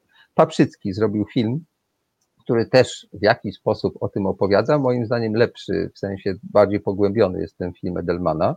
Paprzycki zrobił film pokazujący też takie te manifestacje i tego byłego księdza, zapomniałem jak on się nazywa, który gdzieś tam nienawistnie na rynku jakiegoś miasta wygłasza przemówienia o, nie wiem, różnych nacjach, których nie lubi, tak? E, to taki bardziej reportaż, aczkolwiek też zapisał coś, tak? To znam takie dwa tytuły, które mi się jakby spodobały. Nie są to tytuły, które są jednoznaczne, tak? Szczególnie właśnie ten film Edelmana. To mnie chodzi o to, że to wcale nie musi być apologia, nie wiem, opozycji, tak? Czy, czy krytyka tych y, nazioli, tak? Bo to może być też jakby inaczej, bo na przykład zrobił Gdula reportaż socjologiczny y, o miastku, tak? To się tak nazywało. Teraz to jest ten poseł lewicy w Sejmie i chyba już przestał się zajmować socjologią, ale parę lat temu wydał taki raport socjologiczny, z którego wynikało, że w tym miastku czy miasteczku na Mazowszu od 500 plus istotniejsze było odzyskanie jakby godności przez tych ludzi. Tak? I pokazanie tego, to jakby, no nie jest to gotowy scenariusz, ale to jest gotowy jak gdyby taki research do, do, do zrobienia obraz, filmu. Obraz socjologiczny pewnej. Tak, tak. I to byłoby szalenie ciekawe, tak? E, I, ale jest blisko, żeby to nie była publicystyka i takie socjologiczne tylko słupki, tylko że blisko wybrać jakichś ludzi i pokazać, dlaczego oni tak myślą. Ja taką próbę trochę podjąłem z wielkim trudem i z, że tak powiem, przeszkodami i schody były wszędzie w filmie Dobra Zmiana, prawda? Gdzie ja próbowałem pokazać obie strony, starając się być stosunkowo bezstronnym, na ile mogłem, tak? Ale to można na palcach jednej ręki po, policzyć te inicjatywy. Teraz powstaje film o tych sędziach e, prześladowanych, tak? Już chyba jest gotowy, ja widziałem kawałek tego filmu. Ja bym na przykład bardzo chętnie zobaczył film e, o Julii Przyłębskiej i jej mężu i jak, jak się tacy ludzie jak Julia Przyłębska potrafią znaleźć w tej sytuacji, kiedy z jednej strony mają pełną aprobatę, a z drugiej strony pod ich domem w Berlinie są manifestacje nieustannie jakichś ludzi, którzy uważają, że to jest nie fair, co oni robią. No i tak dalej, i tak dalej. Dlaczego tego nie ma? Teraz Ksawery, ja później jeszcze coś mogę. Trudno mi, trudno mi tutaj jakby od, od, decydować za kolegów reżyserów, koleżanki reżyserki. Ja mogę tylko powiedzieć z, mo, z mojego doświadczenia, że każdy, hmm, każdy projekt to jest jakby, to, tu trzeba się liczyć z, takim, z taką perspektywą przynajmniej roku, dwóch, kiedy zamysł, pomysł na film wejdzie w fazę realizacji. To wynika z ogromnej biurokracji, jaka panuje w dwóch instytucjach, które no jeszcze jakby dotują te, te, te, te pomysły, czyli polskie, w Polskim Instytucie Sztuki Filmowej i, i w telewizji. Ja jestem im wdzięczny, że, że, że, że mogę od czasu do czasu otrzymać pieniądze od nich na, na, na swoje filmy, ale no, y, to trwa ile trwa i tutaj ja nie za bardzo mam wpływ, ani też okazuje się producenci nie mają wpływu na to, że, że to wszystko toczy się tak wolno. Bo trzeba pamiętać o tym, że jednak dotacja PISF-u na, na produkcję to jest tylko połowa sukcesu, prawda? Trzeba znaleźć drugą połowę budżetu, żeby rozpocząć zdjęcie, a żaden producent nie, nie wyłoży własnych pieniędzy na, a tym bardziej sądzę reżyser, nie, nie wyłoży własnych pieniędzy na, na, na przedsięwzięcie o, o Julii Przyłębskiej, bo to trzeba pojechać do Berlina, prawda, spróbować się z nią skontaktować, posiedzieć tam z nią, o ile ona cię wpuści, posiedzieć z nią, mieć kamerę, mieć, mieć, mieć no może jakiś, jakiegoś dźwiękowca, może jakieś trochę też światła. W związku z tym to wszystko wiele kosztuje, no i, no i dlatego ja y, y, uznaję, że muszę się dwa razy zastanowić, zanim podejmę decyzję, że tak, to chcę robić, to na to poświęcę kolejne dwa lata mojego życia. No tak, y, los reżysera jest trudny, dlatego że trzeba z czegoś żyć, tak? W związku z czym rozumiem, że w cudzysłowie, nie obraź się, jest łatwiej zrobić film o e, Kozakiewiczu, bo generalnie TVP tu da na to pieniądze, PiS da na to pieniądze i tak dalej, no bo ten Kozakiewicz to prawie bohater narodowy, tych Niemców tam mu zapomnimy. Ale to, to nie ma takich prostych reguł. Przepraszam, Konrad, ale to od razu wejdę Ci słowo. My trzykrotnie do PiSu startowaliśmy z Kozakiewiczem. Nie ma takich prostych e, reguł, nie ma prostych tematów. A nawet jakby... w momencie, Nawet w momencie, kiedy telewizja już powiedziała, o fajny, fajny ten, ten, ten scenariusz jest, to, to, to zanim my mogliśmy ruszyć ze zdjęciami, to Irena Szewińska umarła. Ja wiem, znaczy, słuchajcie, przecież ja jestem po waszej stronie, znaczy pracujemy No, nie, oczywiście, oczywiście. w tym samym y, miejscu y, i y, ja sam się z tym borykam, próbuję to obchodzić, natomiast obawiam się, że rzeczywiście y, zabrnęliśmy tutaj y, w takie jakieś niedobre rejony. Ja mówię jakby o, o całości tego biznesu y, dokumentalnego, że rzeczywiście można zrobić bardzo dobry film o Kozakiewiczu. To wam oddaję i przecież ponad godzinę o tym rozmawialiśmy.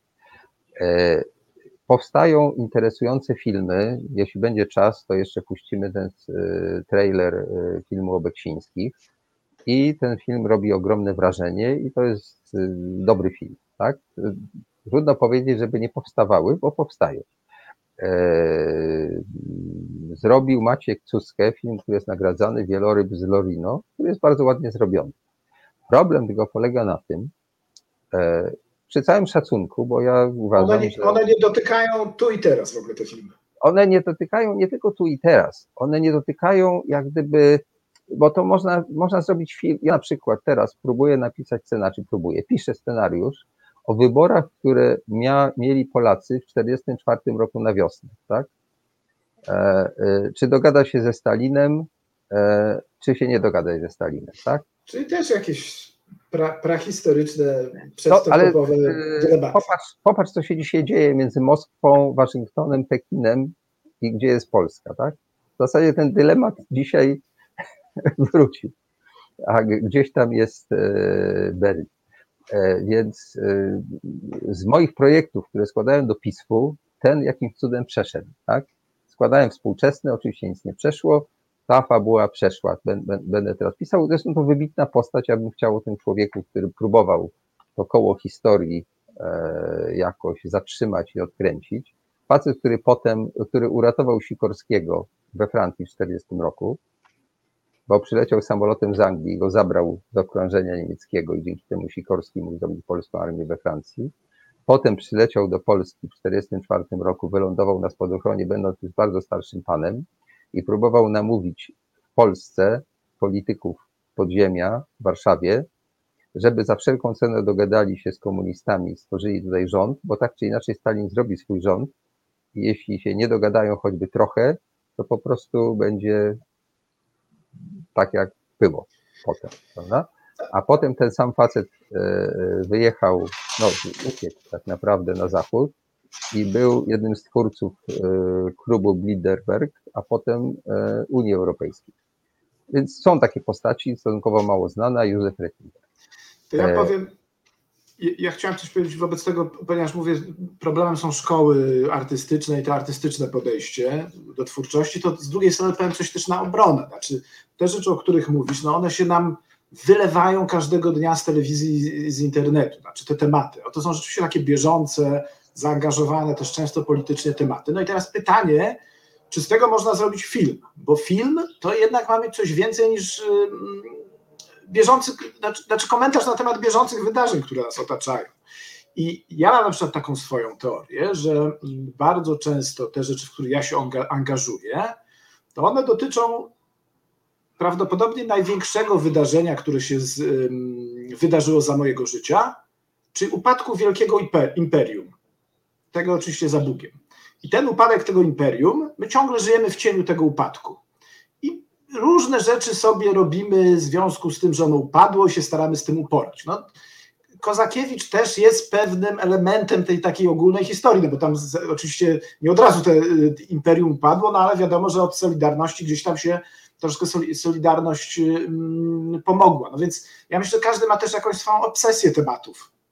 A ci, którzy powinni być może, ja, ja, bo nie mam poczucia, że powinni, ale że chcieliby reagować na bieżąco, to się dzieje wokół, to niech oni to robią. Można też wziąć kamerę i naprawdę, znaczy przejście y, proceduralne przez te instytucje, które, o, o czym mówił Ksawery, z bieżącym, aktualnym tematem, no to jest właściwie niemożliwe, no, bo, to, bo to jest rzeczywiście dwa lata jakiejś walki przez instytucje, które dadzą, nie dadzą, zadecydują czy nie decydują, więc jedyne, co można zrobić, to wziąć kamerę od, z kolegą operatorem i później to zmontować na komputerze i al, no, al, albo, to, albo to się uda, al, albo nie. Ja nie mówię, że to jest idealnie, ale tak jakby jesteśmy w takim mm, chorej sytuacji zaognionego konfliktu politycznego, który na różne y, obszary naszej aktywności działa, że no nie wiem, może kiedyś z tego wyjdziemy i można coś z tym będzie zrobić, a póki co, no to właśnie, no to właśnie ci biedni reżyserzy po szkołach artystycznych kombinują, jak tu zrobić większe rzeczy, które zrobią dużo większą syntezę natury, kondycji ludzkiej niż aktualny problem, który dzieje się na ulicach, który jest ciekawy, ale od rana do wieczora możemy go obejrzeć w telewizji. No, ja się z Tobą o tyle zgadzam, że rzeczywiście nie jest tak prosto od razu y, zrobić syntezę, ale y, ja za każdym razem wtedy przywołuję film pod tytułem Robotnicy 80, tak?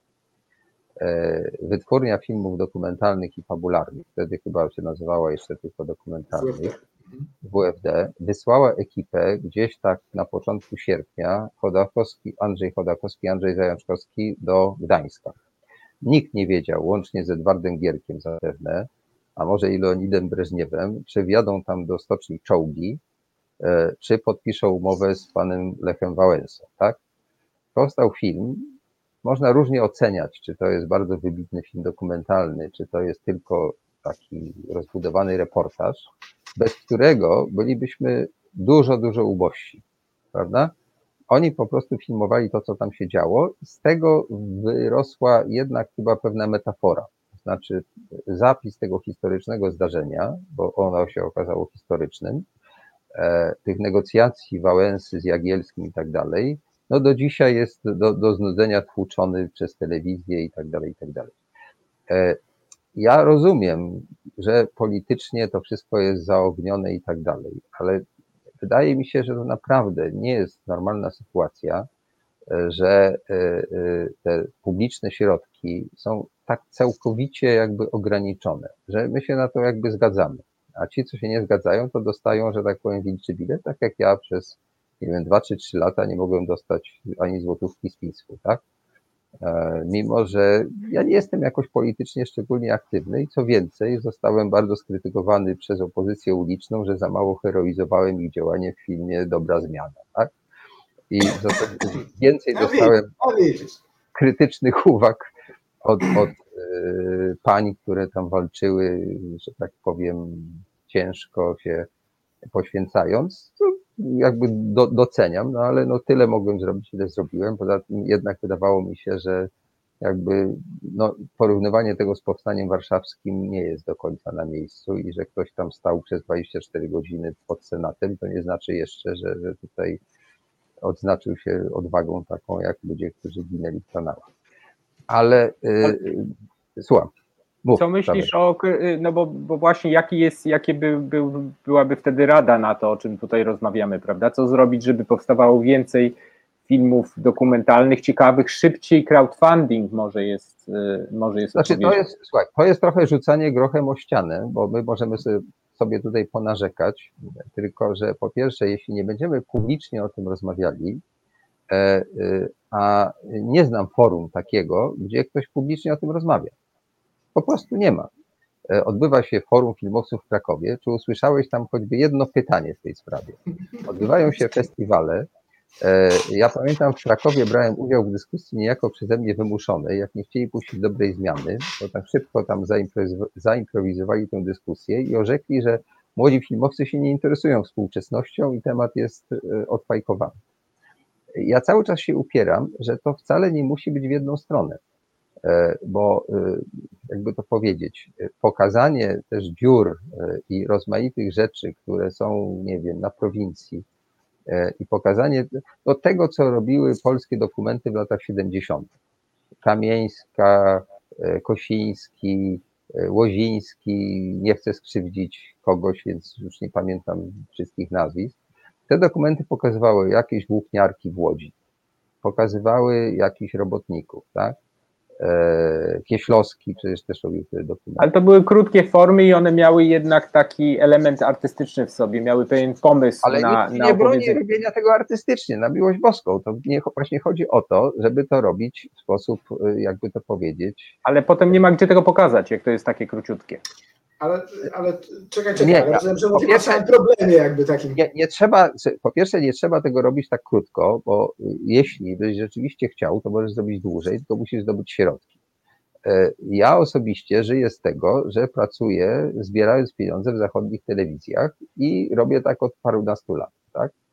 E, Mnie e, ta, ta nowa epoka zaskoczyła trochę, bo się nie, nie, nie, nie myślałem, że będzie aż tak źle w sensie dostępu do środków publicznych, ale już wcześniej wcale nie było tak różowo, dlatego że ja miałem taką proporcję, że jak zaczynałem, to dostawałem powiedzmy jedną trzecią gdzieś z Niemiec czy innej Skandynawii, a dwie trzecie z Polski. W ostatnich filmach nie, nie mam już ani złotówki z Polski, tak? A ja w kółko robię to samo. Ja robię filmy, które opowiadają o różnych rzeczach tutaj i gdzieś tam je puszczę. E, I jakoś, e, i, i, to, i to nie tylko ja robię, bo jest kilku kolegów. Teraz na przykład powstaje film o Jerzym Urbanie, finansowany zupełnie prywatnie. E, Dostał dwie nagrody na targach w La Rochelle, w których ja miałem przyjemność brać udział i cztery projekty z Polski dostały tam nagrody. Cztery projekty. Chyba żaden nie, nie miał pieniędzy z PISF-u. Więc są takie wyjątki potwierdzające reguły i wcale nie są to koniecznie projekty jakby politycznie ustawione w jakąś stronę. Bo ja nie wiem, jak wyjdzie film o Jerzym Urbanie, bo Jerzy Urban nie jest postacią jednoznaczną i można go zrobić tak jak film twój o Bogdanie Porębie. Trudno nazwać ten film apologią Bogdana Poręby, tak? Aczkolwiek jest to film uczciwy i taki, że ja zapamiętałem go pozytywnie. I ja pytam ciebie, jesteś ode mnie dużo młodszy, pytam Darka, który jest producentem, też jest ode mnie sporo młodszy, może Ciut, mniej, ciut ale, ale też. E, Jak to jest, że nie próbujemy, tak? Że, że, że wy też nie próbujecie, bo właśnie chodzi o to, żeby były różne filmy. Ja nie mówię, że to zaraz Zgadzam. musi być coś, co by e, pokazywało, że teraz obecna władza jest zła, a ci, co ją chcą odsunąć, to, to są dobrzy. Nie, w ogóle to nie o to chodzi. W ogóle nie, nie na tym jakby problem polega. Tak Ja- jak mówię tą Stocznią Gdańską. Gdyby tam wjechały czołgi, to też by Chodakowski i Zanieczkowski to sfilmowali, tak? Ja I i uważam, że mamy syndrom, mamy syndrom sztokholmski i działamy schematycznie. Jesteśmy w kolejnach, w których, y, z których trudno wyjrzeć jest, co jest dalej. I w te kolejny z czasem wjeżdżamy coraz głębiej. W związku z tym te nasypy wokół nas są coraz wyższe. I jeżeli będziemy tylko i wyłącznie polegać na tych dwóch y, y, instytucjach, gdzie mamy wydeptane ścieżki i powiedzmy co drugi czy co trzeci projekt nam tam przejdzie, no to będziemy filmy robić rzadko i będziemy to robić y, za takie stawki, prawda, minimalne. No i trzeba szukać nowych dróg. Ja te, w ostatnim czasie moje jakieś tam ostatnie doświadczenia dotyczące pewnego rozwoju, rozwoju pewnego projektu i rozmowy z producentem na ten temat e, udowadniają, że, że właśnie jeżeli ja sam nie wyjdę z propozycją, czy żeby próbować ten projekt realizować na przykład przez crowdfunding, czyli czymś, czego, czego jeszcze wcześniej nie, nie, nie zrobiłem, czyli, czyli jeżeli jakoś odważnie nie będę próbował nowych dróg, no to po prostu zostaniemy, utoniemy w tym, w tym, w tym w czym jesteśmy, w tym bagnie, w którym jesteśmy obecni. Także no, tylko, odwa, tylko, odwa, tylko y, wzorem Władysława Kozakiewicza odważnie w nieznane. No, miło mi słyszeć to z Twoich ust, Sawery. E, Pytanie jest takie, e, czy rzeczywiście jest to realne, bo na przykład bracia Sykielscy odnieśli ogromny Właśnie. sukces. Ogromny. E, Ja pamiętam, że też w tym nieszczęsnym Krakowie, jak brałem udział e, w e, rozmowie na temat filmu dokumentalnego i z pytaniem, dlaczego nie ma współczesnego obrazu świata, przy czym naprawdę nie chodzi o to, że to ma być reportaż pokazujący, nie wiem, starcia na ulicy. Tak? To w ogóle nie o to chodzi.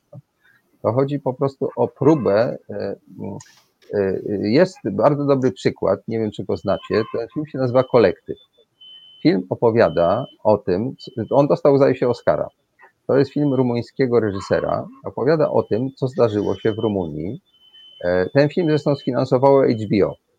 E, I chwała im za to, bo by inaczej nie zrobili, bo zdaje się władze rumuńskie w ogóle zaprzestały finansowania produkcji filmowej. Nie wiem, czy wrócili do tego, czy nie, ale był taki okres, kiedy w ogóle zakręcili kurek cały. I teraz, co w tym filmie jest takiego ciekawego? Tam była taka katastrofa, która była straszliwa, polegająca na tym, że w jakimś takim klubie, gdzie odbywał się koncert y, rockowy, wybuchł pożar. Za mało było wyjść, a ten klub był źle skonstruowany w sensie takim odporności na pożar i mnóstwo ludzi zostało tam od razu spalonych czy, czy uduszonych, a ogromna ilość była ciężko poparzona i oni trafili do szpitali. I tam było kilkadziesiąt czy kilkaset osób, już nie pamiętam.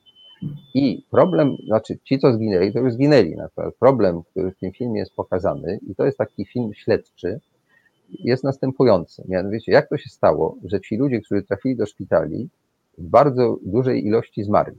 Mimo, że rokowania były inne i to więcej e, Austriacy chcieli jakby ich przyjąć do siebie, tak, żeby tam byli leczeni. Oczywiście e, minister zdrowia się ujął honorem, tutaj wielka Konrad, Rumunia. Konrad, czekaj, ale nie, nie opowiadaj całego filmu, ale generalnie chodzi o to, że pewien układ w służbie zdrowia został odsłonięty w tym filmie Tak, i to taki ale tam- głęboki, głęboki, chory układ.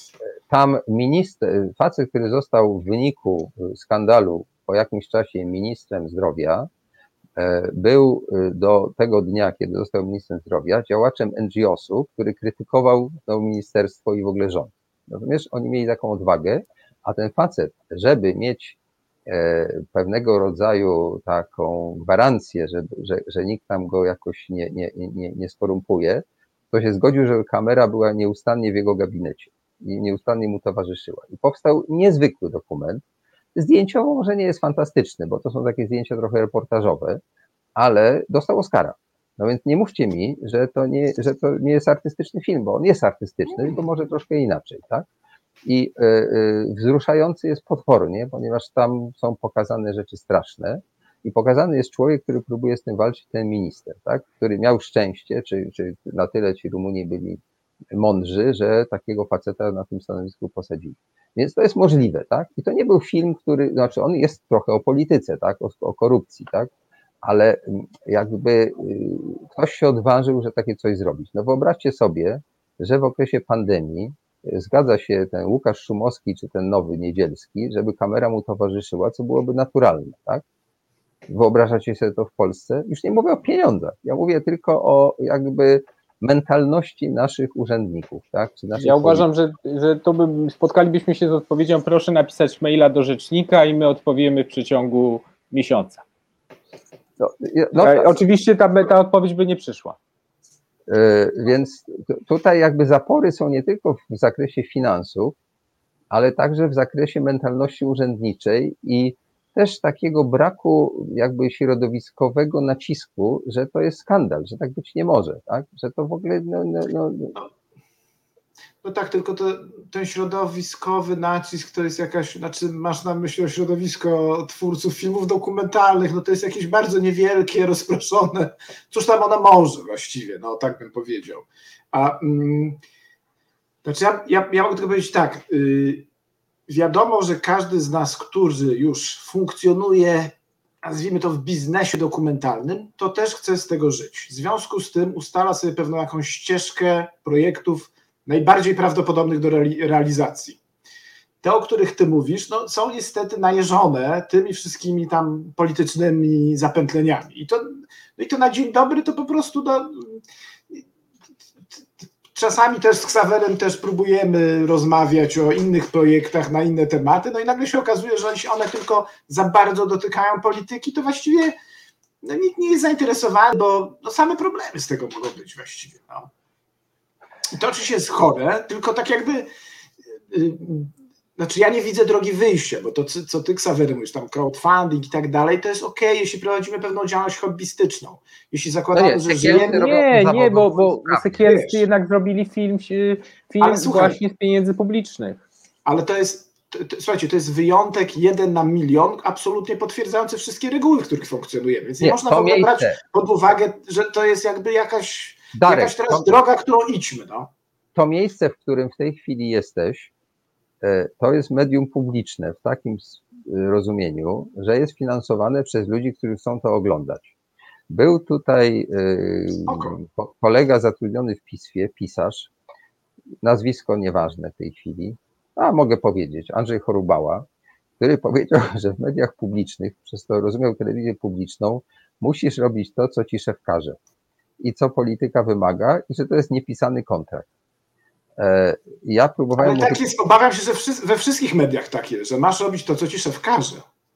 No, znaczy właśnie tak jest nie Czy do końca. TVN jest inaczej? E, No nie wydaje wiem, mi się. Ja, ja pracuję, jak mówię, z tymi stacjami za granicą. Może mam dzięki temu jakby inną sytuację, bo oni nie, wy, nie, nie, nie naciskają na mnie, żebym coś zrobił, bo i tak się na tym nie znają, tak? Nie bardzo by wiedzieli, jak nacisnąć, żeby było tak, jakby chcieli. Nigdy nie próbowali. E, I mnie chodzi po prostu o to, że my się jakoś tak na to zgadzamy, że jeśli nie będziemy głośno o tym mówili, przy czym, żeby było jasne, mi nie chodzi o to, że Kaczyński jest zły lub dobry. Mnie chodzi po prostu o to, żebyśmy się nie bali mówić, że warto o tym zrobić film, tak? Bo można zrobić przepiękny film o e, zwolennikach Jarosława Kaczyńskiego, którzy fanatycznie w niego wierzą i też może być piękny dokument na ten temat. I może być jakby metafora lidera, który no, na lidera się kompletnie nie nadaje z różnych powodów, tak? Jest stary, mało efektowny i tak dalej, a wierzą w niego jak w Boga. I taki Słuchaj, film ale, tak, można ale to wszystko jest nacechowane pewnymi y, albo tezami, albo po prostu związkami z bieżącą polityką, która jest naprawdę wykrwawiająca w tym momencie. W związku z tym, znaczy moim zdaniem z, z tego nie wyjdziemy, dopóki ten konflikt nie zniknie. No. Jeśli konflikt zniknie, będzie sobie można robić filmy o bieżących sprawach. Jeśli ten konflikt jest taki ostry, że cud, że ludzie nie wyszli z bronią na ulicę i że jesteśmy w takiej zamrożonej wojnie domowej, która się odbywa na Facebookach, no to, to, to nie ma siły, żeby takie tematy zdobyły takie funkcjonowanie w jednej, drugiej czy trzeciej instytucji na jakichś, na jakichś zasadach. I no, znaczy może mi się to nie podobać, ale to tak działa. No.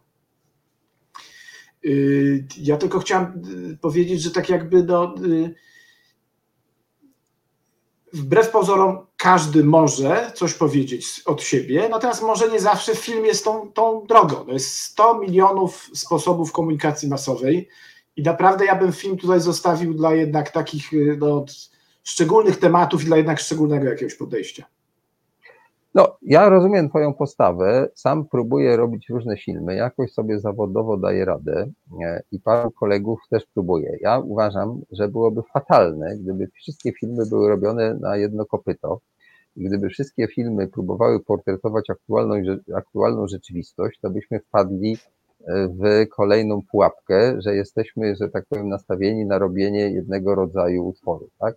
Bo one mogłyby stać się bardzo podobne. Więc to jak gdyby mm, absolutnie y, doceniam fakt, dzisiaj już o tym nie powiemy, ale chcę za, za, zaprosić Borcharta i z nim pogadać o, o Beksińskich i może ciebie, jak będziesz chciał znowu, e, bo taki film też powinien powstać, tak? To, i, I dobrze, że powstał. Ja nie, ma, nie tylko nie mam nic przeciwko temu, ale uważam, że to właśnie warto, tak? Że ktoś y, zaryzykował, ciężko pracował i tak dalej, żeby mrówczo taką rzecz wykonać. Natomiast chodzi mi o to, żebyśmy zastanawiali się, chociaż zastanawiali nad tym, co zrobić, żeby było trochę e, inaczej. No i tyle. No, w zasadzie wiesz, ja Nie, też to- nie mam recepty. Tak, natomiast jest jeszcze jedna rzecz, znaczy Polska Szkoła Dokumentu, tak jak teraz się ją odczytuje, no to jednak się bardzo koncentruje na człowieku, na ludzkiej naturze. Ale to absolutnie trzeba opowiadać przez człowieka. Natomiast to, o czym ty mówisz, ja też jestem, jakby generalnie ja jestem za tym, może nie w szczegółach, tylko że to są jednak o sprawie. A tutaj, no to Nie, właśnie się nie, zaczynają ale różne, różne ty- ty- problemy interpretacji tam i Ty tak mnie nie rozumiesz. Te, teraz, jak już byśmy rzeczywiście byli w takiej sytuacji, że możemy, to trzeba by tę całą y, jakby nadbudowę ideologiczną odrzucić i te wszystkie rzeczy i znaleźć tego bohatera. To jest jasne, bo zawsze opowiadać przez człowieka. Także tutaj jakby nie, nie, nie ma żadnych wątpliwości, że to portret zbiorowy średnio wychodzi. Film kolektyw opowiada o tym ministrze, tak? I to jest ten człowiek. I, i, i widać, jak on się boksuje, tak? I, i, dzięki temu, że kamera jest od niego o metr, to możemy, że tak powiem, z nim być. I, i nie, nie, nie tylko jak gdyby opowiadamy o sprawie, ale opowiadamy o tym, że ten facet się boi, że go zaraz, nie wiem, wywalą stamtąd, tak, zczyszczą i tak dalej, bo on po prostu idzie przeciwko systemowi. Dobra, słuchajcie, ja myślę, że tak, powoli dobiegamy dzisiaj do końca naszej rozmowy. Kurczę, dyskusja dopiero się rozkręca, a my już dobiegamy E, końca. Ja mogę Wam zaproponować, że jeśli byście chcieli, to możemy zrobić znowu tutaj taki panel, może jeszcze zaprosimy innych kolegów, którzy zechcą, żebyśmy rzeczywiście pogadali o tym, czy się da robić cokolwiek więcej. E, Bo y, mnie się wydaje, że wbrew pozorom trochę takich rzeczy powstaje, tylko że one powstają jakby tak właśnie no, metodami trochę chałupniczymi, czasem zagraniczne pieniądze, za chwilę się okaże, że to są jakieś wraże pieniądze, e, albo że to w ogóle nie, nie godzi się i tak dalej. E, Zobaczymy. W każdym bądź razie, jak nie będziemy o tym rozmawiali w spokojnym tonie, nie szukając jak gdyby tego propagandowego wydźwięku, bo właśnie absolutnie im, im dalej od propagandy, tym jest lepiej. No to, to, to nie, ma, nie ma co ukrywać, ale jak patrzysz na te dobre filmy, to one mają ten walor takiej metafory. Ja na koniec powiem, że próbuję i mam nadzieję, że w końcu dostanę pieniądze, bo zabiegam w różnych miejscach, film o mowie nienawiści, zrobić pod roboczym tytułem Mowa nienawiści. Mam fantastycznych bohaterów.